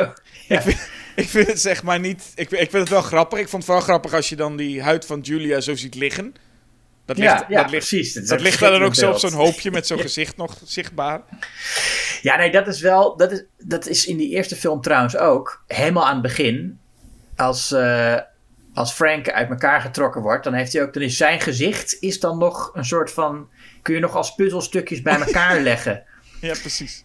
Dat is natuurlijk niet hoe het er in het echt uit zou zien. Als je iemand zijn vlees uit elkaar zou trekken, heb je gewoon een soort rompje vlees. En dus met die huid ook. Ja, met die huid ook. Maar dat is dan net. Dat, nou ja, eh, ik ga toch het woord sprookje opnieuw gebruiken. Ja, maar jij gebruikt altijd sprookje als het zeg maar positief... Als je het wil dat het positief is. Ja. En anders ja. is het gewoon slecht gedaan. Nee, maar het is helemaal niet slecht gedaan, want het is een bewuste keuze. Ja, dat, dat stukje is een doen. bewust. Nee, dat is ook wel zo. Maar ik bedoel, de hele. Je kunt ook inderdaad eens verklaren van. nou Ja, het is een sprookje hoe die. Kijk, dat is ook een, namelijk een verklaring. Kijk, die, die, die Cenobites worden dan heel makkelijk verslagen, hè, dat viertal. Maar Mhm. er wordt dan wel een verklaring gegeven. Want ja, maar vlak voordat ze verslagen werden. eh, werden ze herinnerd aan hun menselijkheid. En Ja. dat maakte hen kwetsbaar. En dat kan Ja. natuurlijk wel, dat is een mooie inhoud. Maar het blijft een. een het blijft een. Ja, een, een, een. Het blijft underwhelming, toch? Dat, dat, dat is wel. Ja, nee, ondanks dat je kan zeggen, ja, er is wel een reden voor. Net als wat je zegt. Gennard had zijn eerste dag. Moest nog even wennen. Dat kan Nee, wel een dat is- verklaring zijn. Nee, dat, dat is niet mijn verklaring. Mijn verklaring is dat hij in zijn eigen hubris is eh, gestikt. Ja, maar alsnog is het, is het een verklaring waarvan je nog steeds kan zeggen. En het resultaat is daardoor underwhelming. Nee, wat, wat de, wat de Cenobieten betreft ben ik het met je eens. Dat het behoorlijk makkelijk was om hun allemaal eh, eraan te krijgen. Ja, en het, het, het, er komt nog even de, de eindstinger. Want er is natuurlijk ook zoiets als. Er moet misschien nog wel een vervolg komen. Dus het eindigt met de, de, de, de pilaar. De, die matras, die verdomde matras, die wordt eh, weer ergens naar binnen eh, ge- gedragen, toch? Ja, die, ligt, ligt nog, nee, die, ligt, die ligt daar nog. Ah, en- die, ligt nog, ja, die ligt nog in het huis. En dan komen die bouwvakkers en dan ziet eentje ziet die, die gore, bloederige matras. En die denkt, nou, daar ga ik even met mijn vinger aan zitten. En dan gaat hij zo met zijn hand gaat hij zo over die matras heen wrijven. Ja, dat is het Alien, dat is, dat? het Prometheus en Alien Covenant idee van, oh, er gaat zo'n smerig ei open, ik ga mijn hoofd erboven steken. Dat is een Ja, beetje wat hier ook gebeurt. Ja, maar daar zijn er tenminste nog wetenschappers die iets willen onderzoeken. Hier is het gewoon Een man die ergens een gore matras ziet liggen.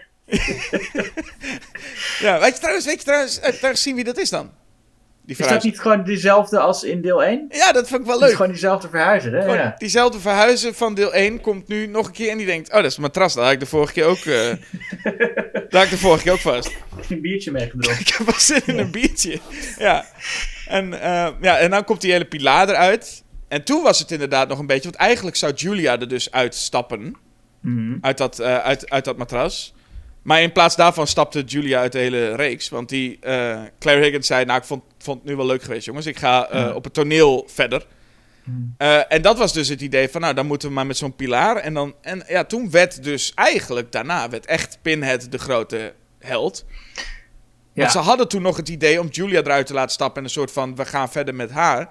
Maar nu komt er een pilaar en zit van alles aan die pilaar, uiteindelijk. Ja, maar en, en het gezicht van die enge man uit het eerste deel. Ja, die, eh, die zwerver. Die, die kevereter, ja. Ja, die, de kevereter. En eh, die, eh, die inderdaad dan nog dus in Watch Your, Watch Your Pleasure, Sir. Wat dit ook wel weer mooi rondmaakt. Want hè, zo begon de eerste film, zo eindigt de tweede. Ik zou zeggen, eerste twee films strikt eromheen en, en nooit meer over de rest hebben. Ja, nee, dat is een, op zich een goed idee. Hoewel ik dus deel 3, 4 en 5 ook eh, niet onaardig vind of zo. Ik vind dat er wel leuke dingen in zitten. Eh, Ehm, ja, ja. Ja, nou ja, kijk, 4 en 3, het zijn geen goede films of zo. Maar ik, ze, hebben, ze hebben wel nog wat vermakelijks voor mij. Ja. Ehm, ik, en, maar ik moet wel zeggen ook, eh, eh, want Kirsty komt eh voor mij in deel 6 weer terug, of niet? Ja, Hellseeker. Maar nou, verder zit ze er niet in. Maar ik vind er wel een goede Scream Queen, die Ashley Lawrence. Vooral omdat de, om, ook echt de, de Scream. Zij heeft een heel goede. Ze kan heel goed schreeuwen.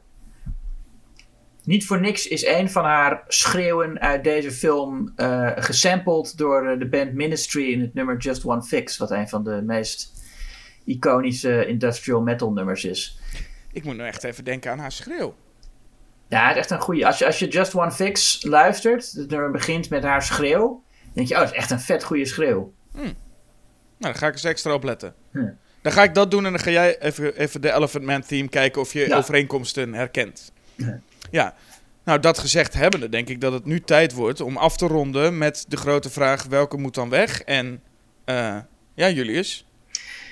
Ja, nou ja, dan. eh, eh, ja, ik, ik moet Hellbound verdedigen. Wat, nou ja, wat ik helemaal niet erg vind. Ik, ik vind het. Ik vind de. wat ik net al zei, de, de potentie van de Hellraiser franchise in deze film het best vervuld. En dan is de eerste een, een wat nettere film, een wat meer coherente film misschien. Maar ik vind het ook echt in het geval van Hellbound in zijn voordeel werken dat het een film is die volgens een soort droomlogica opereert. En waar je gewoon puur eh, eh, de, de, de kracht van die iconische beelden. En ook ehm, de benadering van het lichaam als een, eh, als een object om kunst mee en kunst van te maken.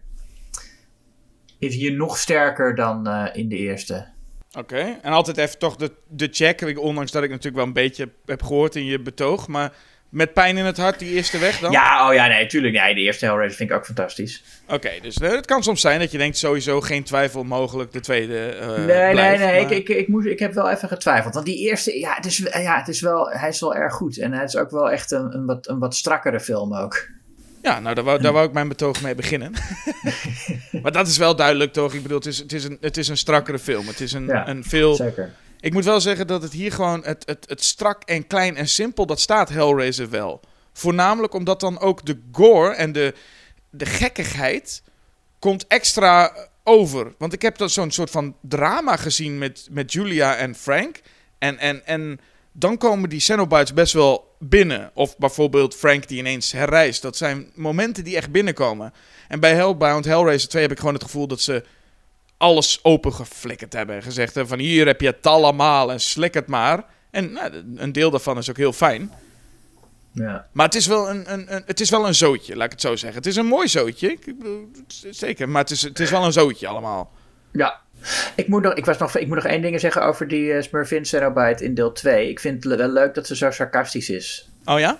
Ja, dat, want Pinhead is dan heel gedragen en, en heel letterlijk met alles. Maar zij zegt van, nou uh, Kirsty, treffen we elkaar weer? Ja, ja, oh, nou, oh, nou, nou heb jij de doosje niet geopend. Oh, vorige keer wist je niet wat het was. Nou, nou.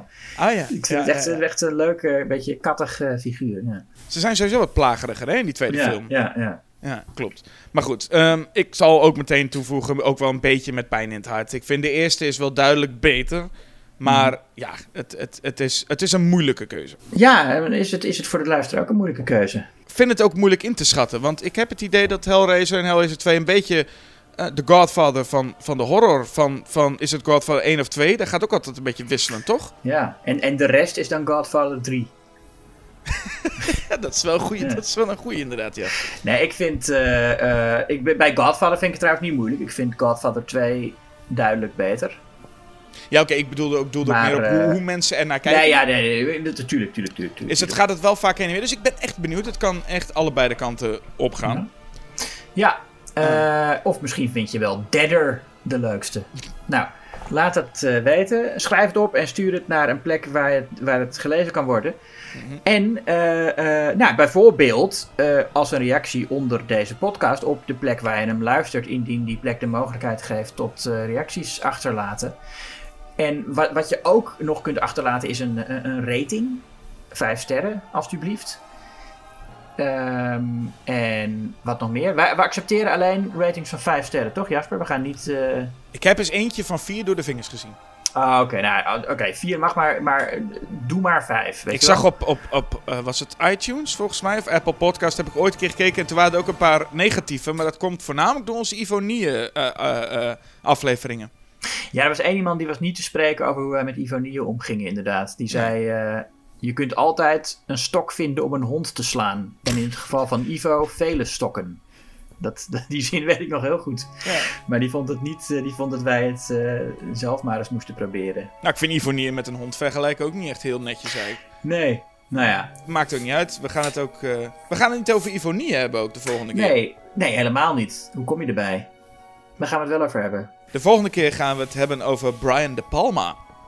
Oh ja, nu weet ik het weer. Ja, We gaan het in ieder geval hebben over Blowout en Body Double. Dus ik ben heel benieuwd. Dus, maar Brian De Palma is eh, voor de volgende keer aan de beurt. spannend hoor. Daar kun je Brian. daar vast voor, eh, voor voorbereiden. Ja, Eh, terwijl wij Hellraiser afsluiten. Nou, ik zou zeggen, jullie is bedankt voor het praten en het luisteren naar mij. ja, ook bedankt voor het praten en het terugluisteren naar mij. En de luisteraar natuurlijk vooral bedankt voor het luisteren naar ons allebei. Ja, als je teruggepraat hebt, dan eh, eh, was dat misschien leuk voor jou, maar dat hebben wij niet gehoord. Nee, volgende keer neem het op en stuur ons eh, die audio. Oh ja dat, dat, ja, dat moeten we een keer doen. Dat mensen gewoon een een mp3'tje van zichzelf terwijl ze naar de podcast luisteren. En dan weer op ons commentaar leveren. Ja, zou, dat zou zeker mogen. zou- het ja, mooiste nou. is nog als Ivo dat doet. Ja, nou, dat, dat, maar ik denk dat Ivo dat al wel... Als hij de podcast hoort, dan doet hij dat sowieso. Goed, wij, Goed. Zijn, wij gaan er vandoor. Ik zou zeggen, tot de volgende keer. Tot volgende keer. Jesus wept. Time to play. You want a cookie, little girl?